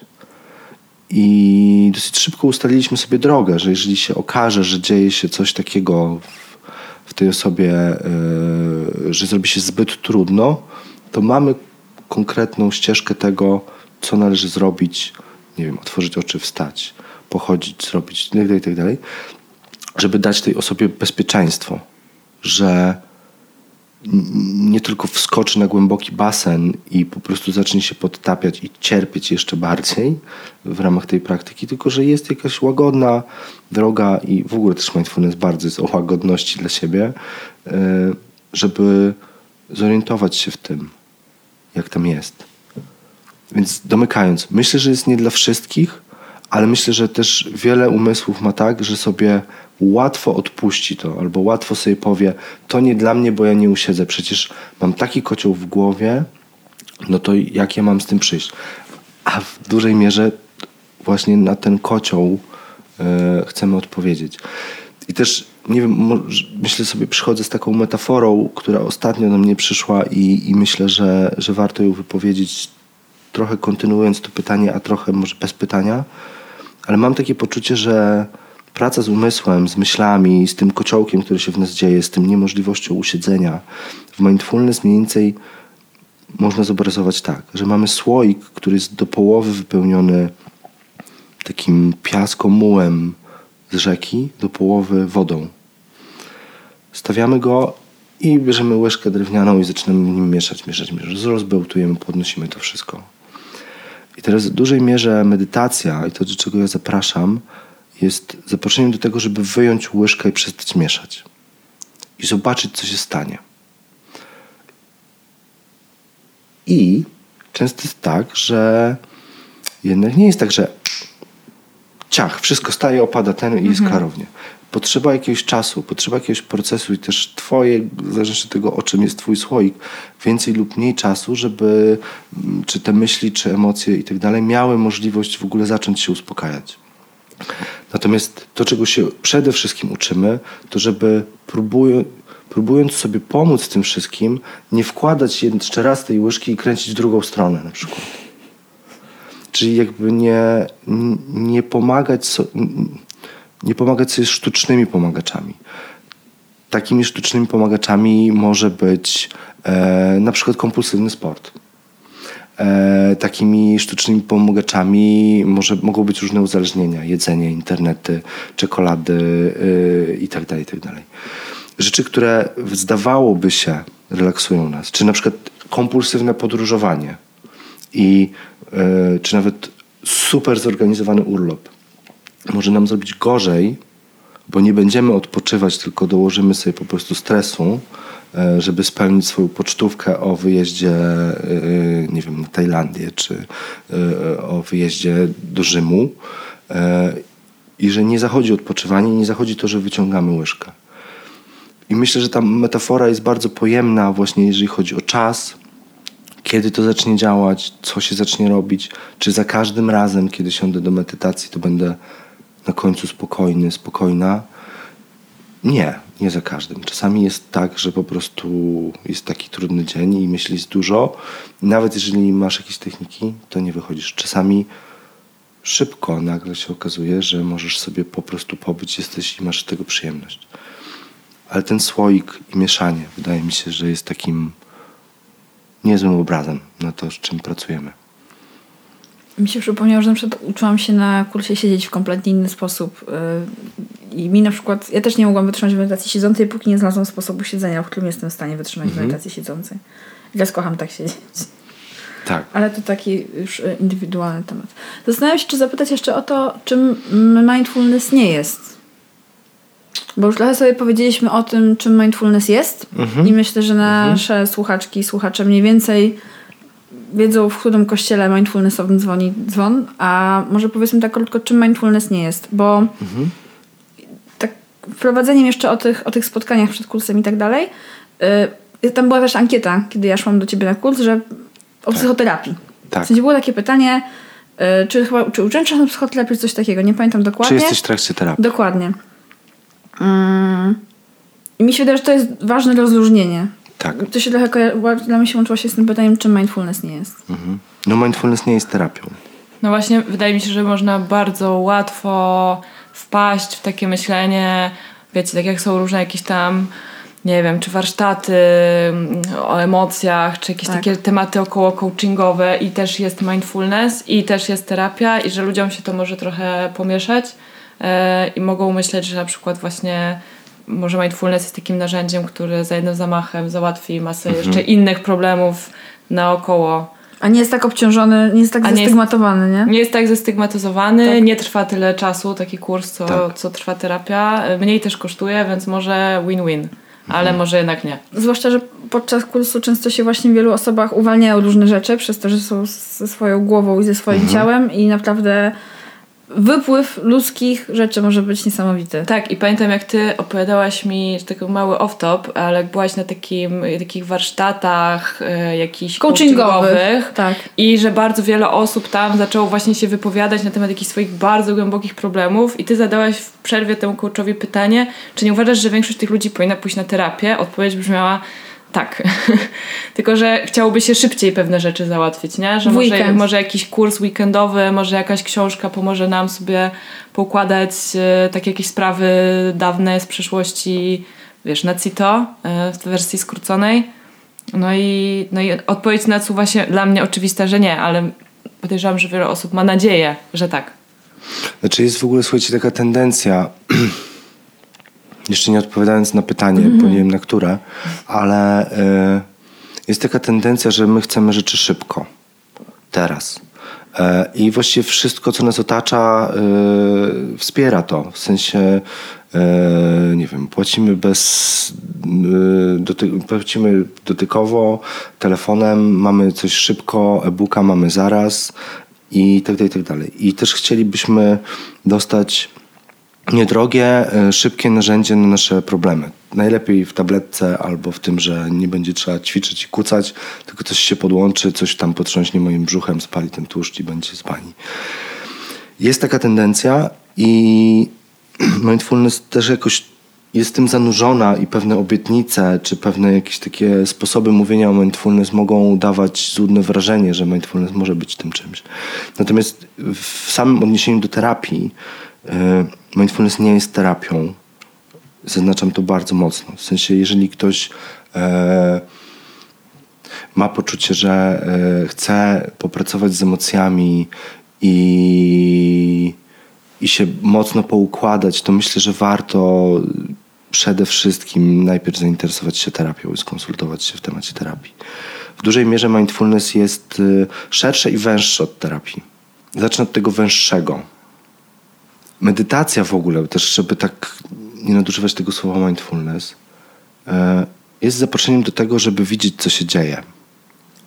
Poprzez proste obserwacje najpierw zapraszamy do tego siebie i swój umysł, żeby widział, co się dzieje.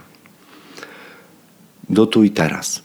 I teraz odkryciem bywa, że tu i teraz to nie jest tylko ta mrygająca tam yy, diotka, którą mogę zignorować al- albo nie, ale będąc uważnym, teoretycznie powinienem ją wpuścić w pole swojej uwagi. Ale w tu i teraz też jest to, co dzieje się ze mną teraz, kiedy do Was mówię.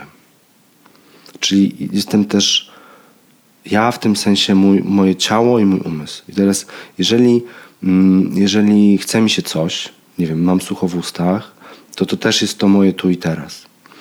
I jeżeli jestem bardzo zaobserwowany swoimi myślami albo tym, jak świetnie do Was mówię, to mogę nie poczuć tego, że mi się chce pić i dopiero po wszystkim, kiedy już będę omdlały, e, po prostu się napiję.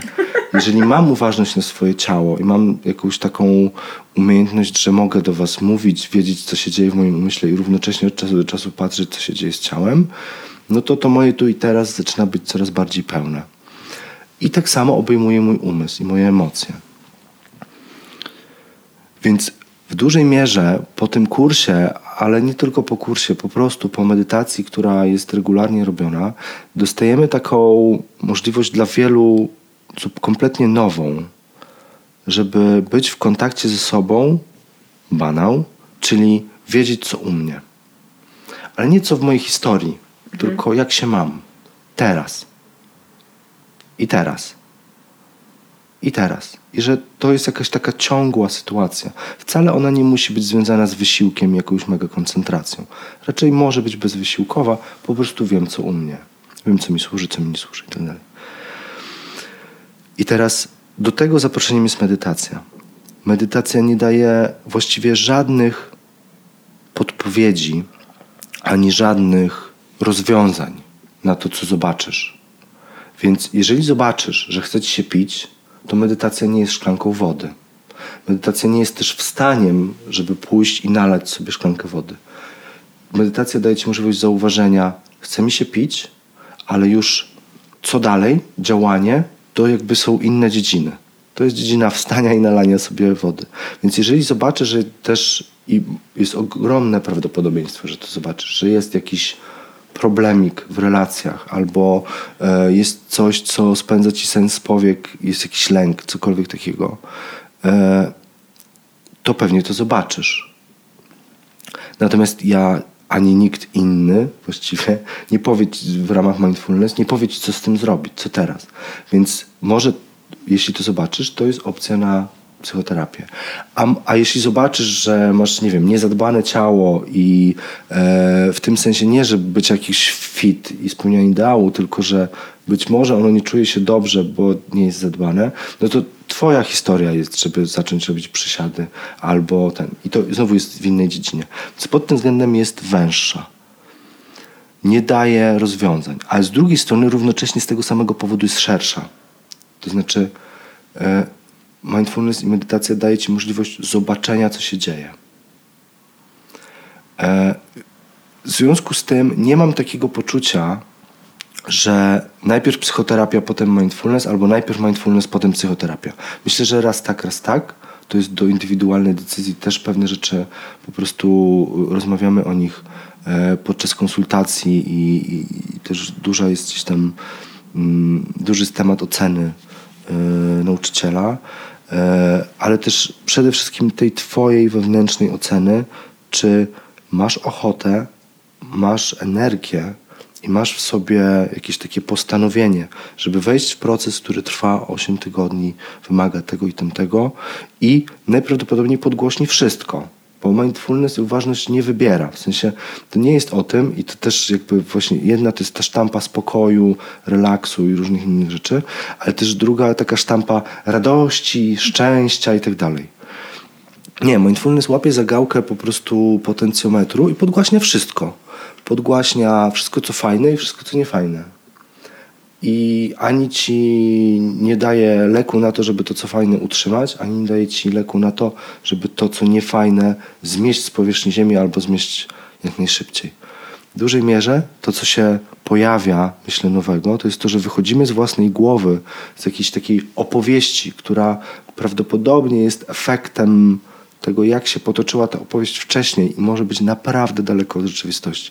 Dlatego mistycy wschodu mówią o śnie na jawie, że mówią o tym, że twoja opowieść powoduje, że tak, a nie inaczej patrzysz na świat i widzisz takie, a nie inne rzeczy, ale nie patrzysz na świat, tylko na swoją opowieść. Dlatego śpisz jakby to brzmi kolorowo, poetycko, ale w dużej mierze to jest o tym. A kiedy się budzisz, to bardziej jest ten temat tego, że jesteś w stanie zobaczyć, że historia to historia. Teraz pytanie, czy, ta, czy, czy w ogóle masz szansę wyjść z tej historii? I czy masz szansę zadać sobie pytanie, czy ona jest adekwatna i zacząć to badać. Więc tak o psychoterapii i mindfulness tak bardzo mm, improwizując, bym powiedział. Dobrze. A czy chciałbyś jeszcze powiedzieć, czy mindfulness nie jest? Albo nie jest techniką relaksacyjną. Mm, Nawet się mówi tak, że e, proces, e, proces mindfulness-based stress reduction może być stresujący. Natomiast są benefity tego, że jesteś, masz szansę na to, żeby zacząć pracować ze swoim stresem. E, mindfulness nie jest lekiem na stres w tym sensie, że niweluje stres albo że powoduje, że już się nigdy więcej nie wydarza. W dużej mierze to jest stres management, to znaczy bardzo ważnym w ogóle aspektem e, tego procesu jest e, zdanie sobie sprawy z tego, że stres jest naturalnym procesem, który się w nas dzieje e, i, i jest potrzebny właściwie.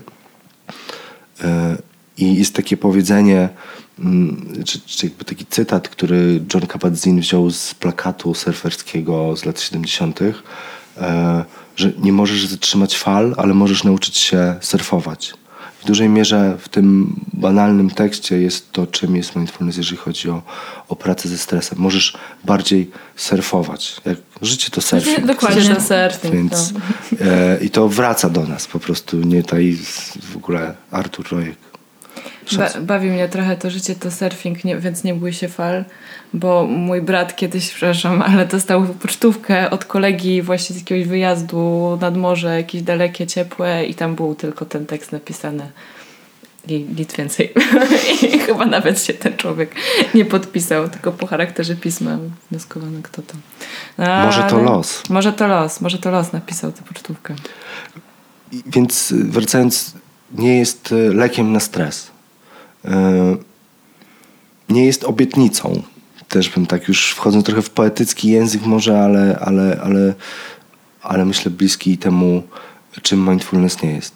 Mindfulness jest, teraz powiem czym jest, ale właśnie w tym kontekście nie jest. Jest zaproszeniem do poznania siebie, do przyjrzenia się sobie, do poświęcenia sobie czasu, czego nie robimy e, raczej siebie zagadujemy i uciekamy od siebie, niż, e, niż sobie poświęcamy czas, żeby zobaczyć siebie, zobaczyć swoje potrzeby i z tego miejsca zacząć pracować ze sobą, albo w ramach medytacji, albo w ramach innych sposobów, w zależności od tego, co będzie potrzebne. Jest zaproszeniem do pracy ze sobą, ale w takim bardzo szerokim kontekście, niż tam jakby e, praca będzie na pewno wyglądać tak i tak. Więc bywa tak, że, że ten kurs jest trudny, że jest trudnym przeżyciem, że jest wymagającym przeżyciem, ale na pewno jest wart tego, e, bo myślę, że kontakt ze sobą e, i przeżywanie swojego życia nie na podglądzie mm, no jest bardzo warte. To tak. Ja się zetknęłam niedawno z takim, i to w ogóle na YouTubie, jakaś jest taka youtuberka, która kiedyś była taką heheszkową youtuberką, a teraz ma kanał, który mówi głównie o właśnie minimalizmie i, i, i medytacji i mindfulnessie. I ona użyła takiego określenia świecka medytacja i dosyć mnie to zaintrygowało.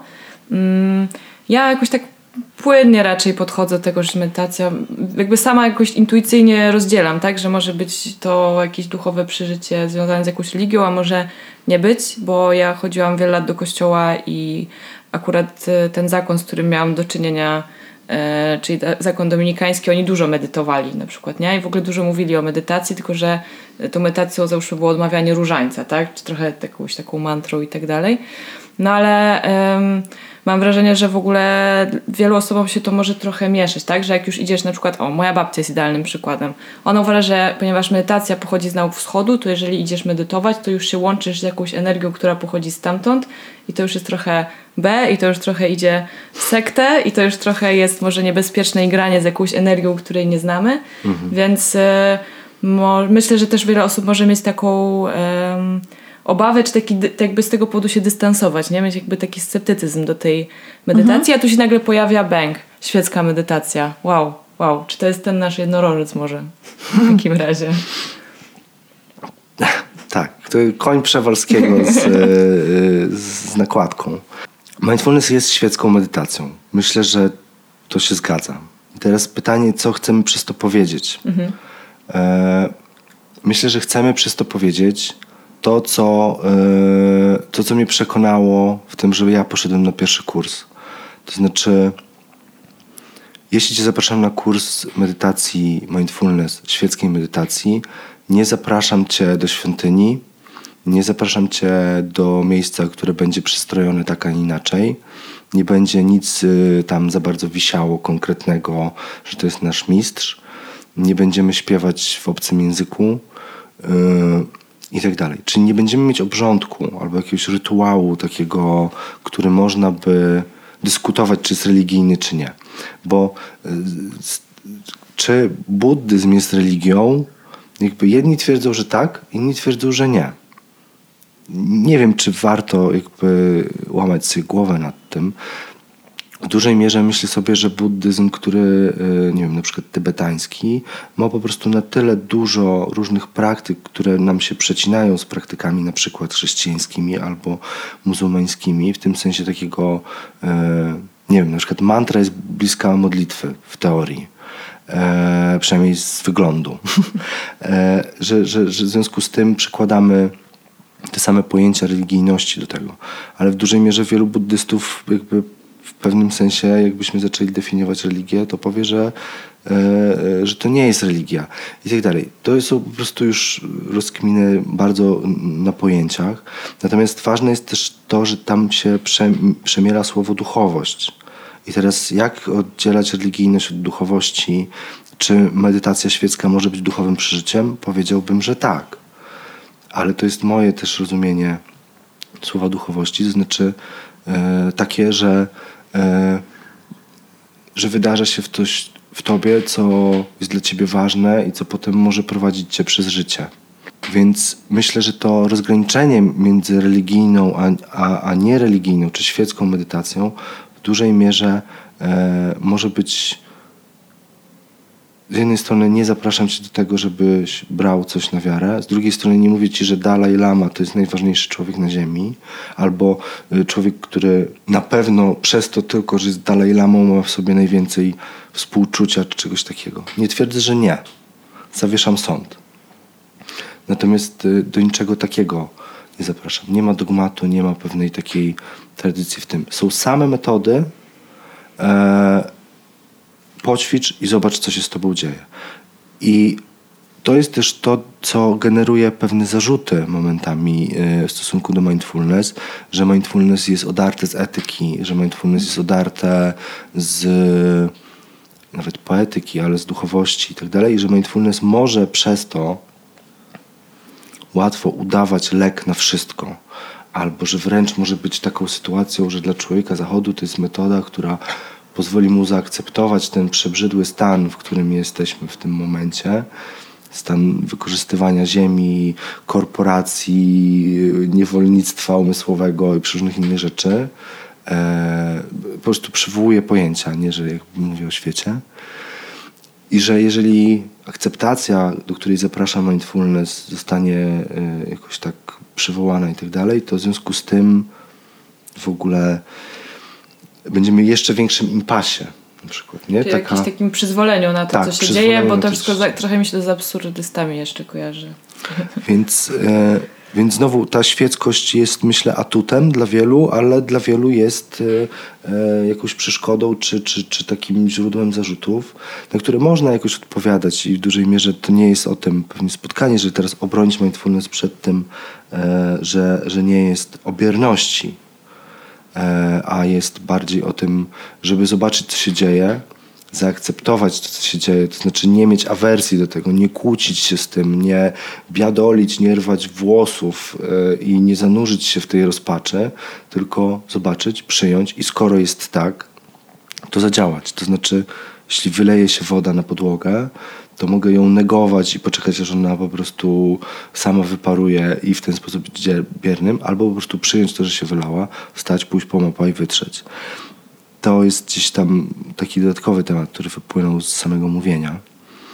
E, Ale myślę, że to rozgraniczenie świeckie, religijne zatrzymałbym na tym poziomie, E, bo im więcej rozpatruje się, jak bardzo mindfulness pochodzi z buddyzmu, albo im więcej się rozpatruje, czy buddyzm to religia, albo czy to jest obca energia i czy my w ogóle rozumiemy, co jest do zrobienia, tym bardziej będziemy grząść w tych wszystkich rzeczach e, i będziemy generować mętlik, a jednak kiedy zapraszasz kogoś do tego, żeby poobserwował swój oddech, albo zapraszasz kogoś do body scanu, że się po prostu położył, zamknął oczy i łączył się, e, czy, czy jakby wyczuwał e, kolejne partie ciała, to jest to prosta instrukcja, jest to konkretny temat i, są bardzo konkretne kłopoty w trakcie, albo nie.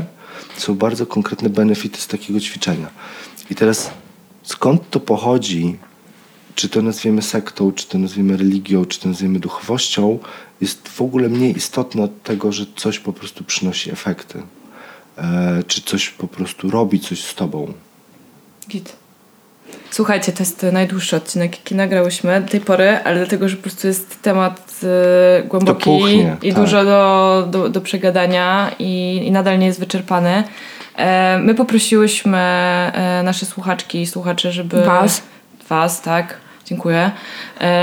Do, do jakby zadania pytania na temat mindfulnessu i mamy wrażenie, że jakby sobie po kolei te pytania mm, odhaczałyśmy, że już w tej rozmowie wszystko zostało powiedziane.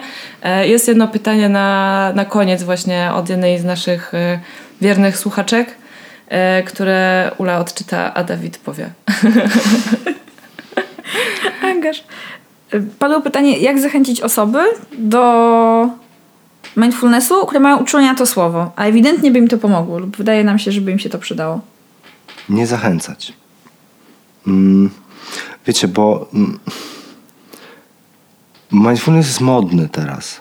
E, Chociaż nadal niszowy bardzo, ale jednak modny. I, e, I tak bywa z modnymi rzeczami, że one się e, dewaluują przez to, że są modne, słowa się dewaluują, procesy się dewaluują i łatwo Łatwo jest to połączyć z coachingiem, który się zdewaluował teoretycznie, chociaż nadal jest świetnym procesem, ale beka z coachingu, hehe, e, i tak dalej. I myślę, że beka z mindfulness naprawdę w drodze albo już się dzieje.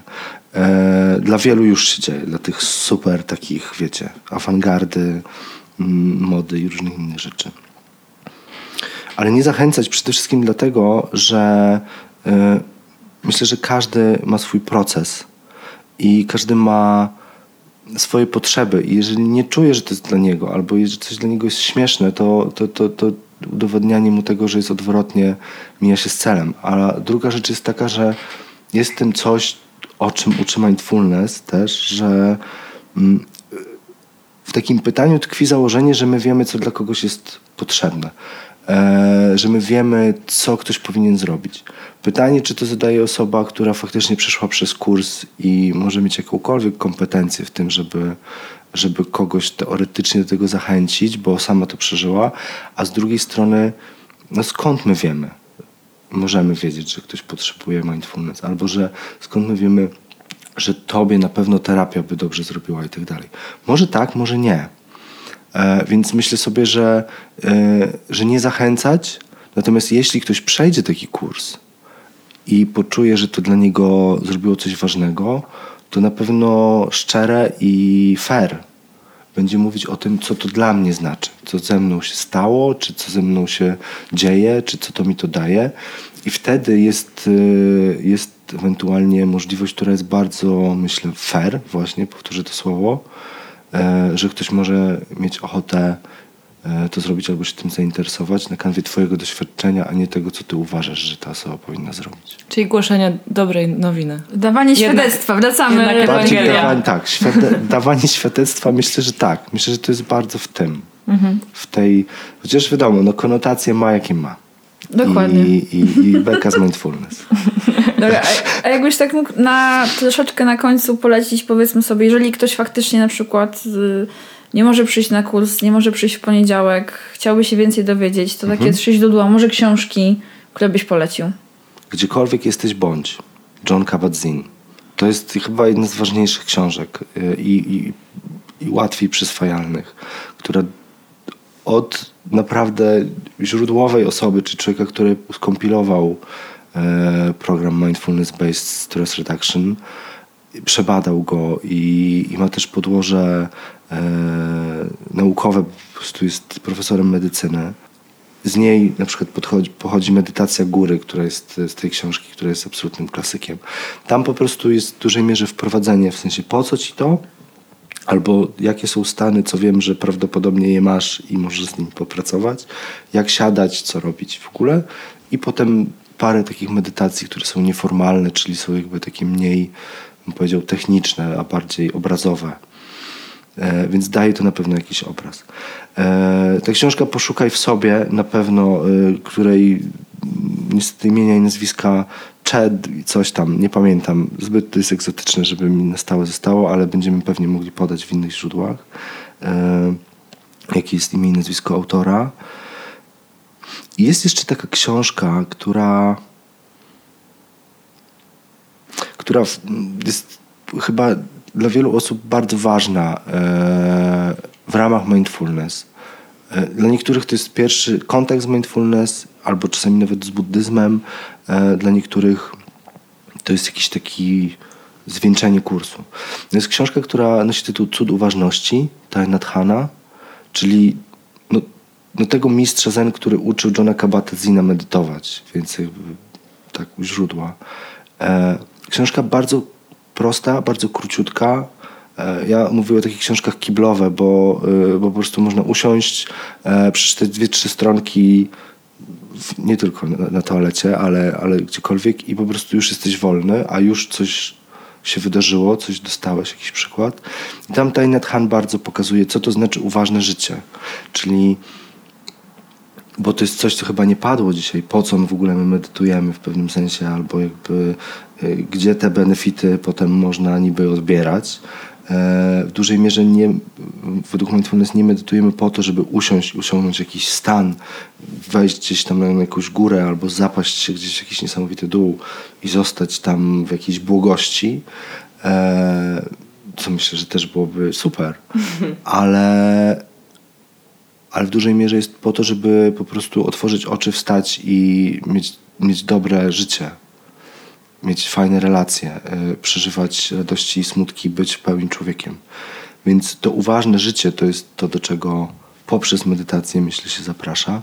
I ta książka Cud uważności Thich Nhat Hanh jest właśnie o tym, co to znaczy uważnie prasować ubrania. Jak znaleźć uważność w nudzie.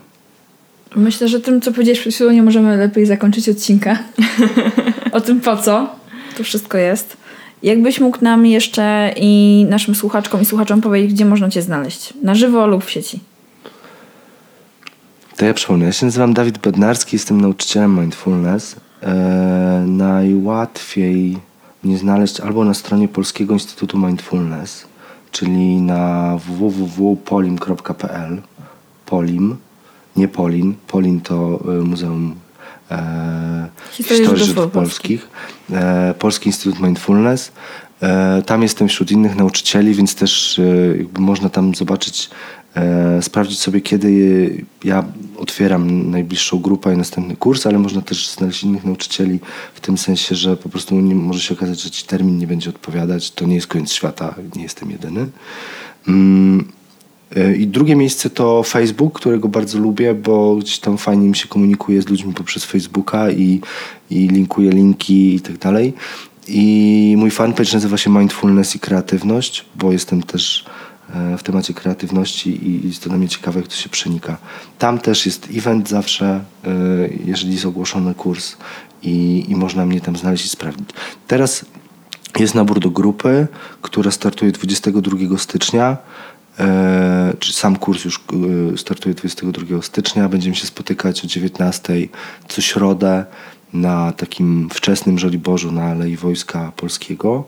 E, I na stronie Polimu i na moim Facebooku można znaleźć ten kurs, poczytać jeszcze więcej detali. Jakby jest temat otwarty. Jeśli teraz to do ciebie dociera i masz ochotę po prostu w styczniu się spotkać na godzinkę, półtorej i pogadać, to możliwe, że, że spotkamy się na kursie, który będzie zaraz właściwie, na początek roku. Wejść z uważnością e, w nowy rok 2020. 2020, bądź obecny w 2020 hasło reklamowe. No. I dobre poniedziałki. Dobre A, poniedziałki jeszcze dobre są. poniedziałki, tak, oczywiście. Ja uważam, że to jest w ogóle fajny start, jeżeli ktoś chce sprawdzić e, tak e, na YOLO, zobaczymy czy mi to pasuje, Tak. to właśnie tam dobra już tam nie czytać książek, nie oglądać tego YouTube'a, tylko przyjść, bo to nie trwa długo, a jest co tydzień. Można przyjść na YOLO i też na stronie Polskiego Instytutu Mindfulness i na moim fanpage'u znajdziecie dobre poniedziałki z Dawidem i z Mindfulness i Dawidem właściwie. E, i, I to są otwarte praktyki medytacyjne, trwa to około półtorej godziny. E, robimy to, co robi się podczas kursu, czyli jakby praktykujemy zgodnie, zgodnie z nurtem mindfulness. Mm, Pewne rzeczy są krótsze. Jeżeli ktoś przychodzi nowy, nie jest doświadczony, mm, nie ma problemu. Ja po prostu potrzebuję to wiedzieć, wtedy te zajęcia są tak zrobione, żeby temu komuś yy, nie było jakoś bardzo, bardzo, bardzo trudno.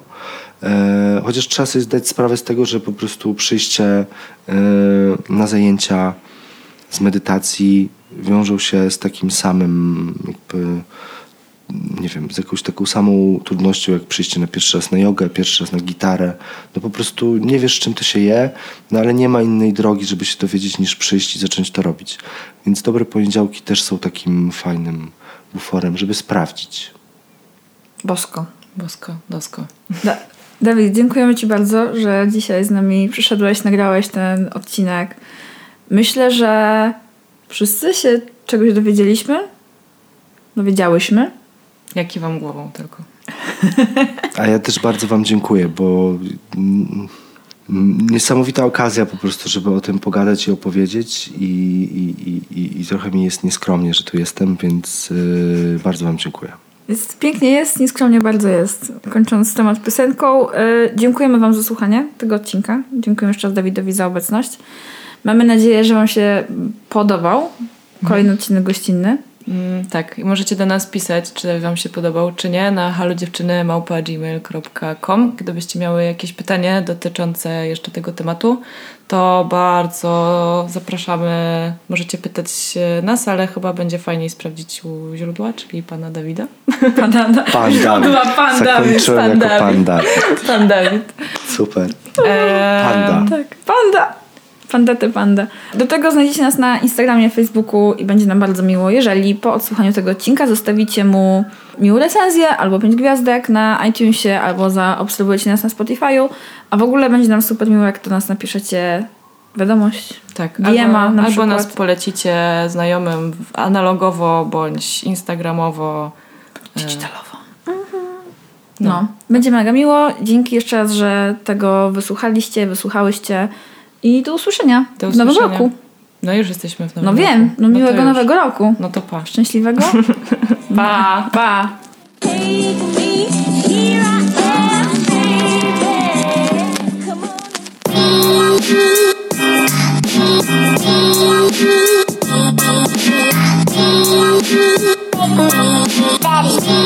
Daddy.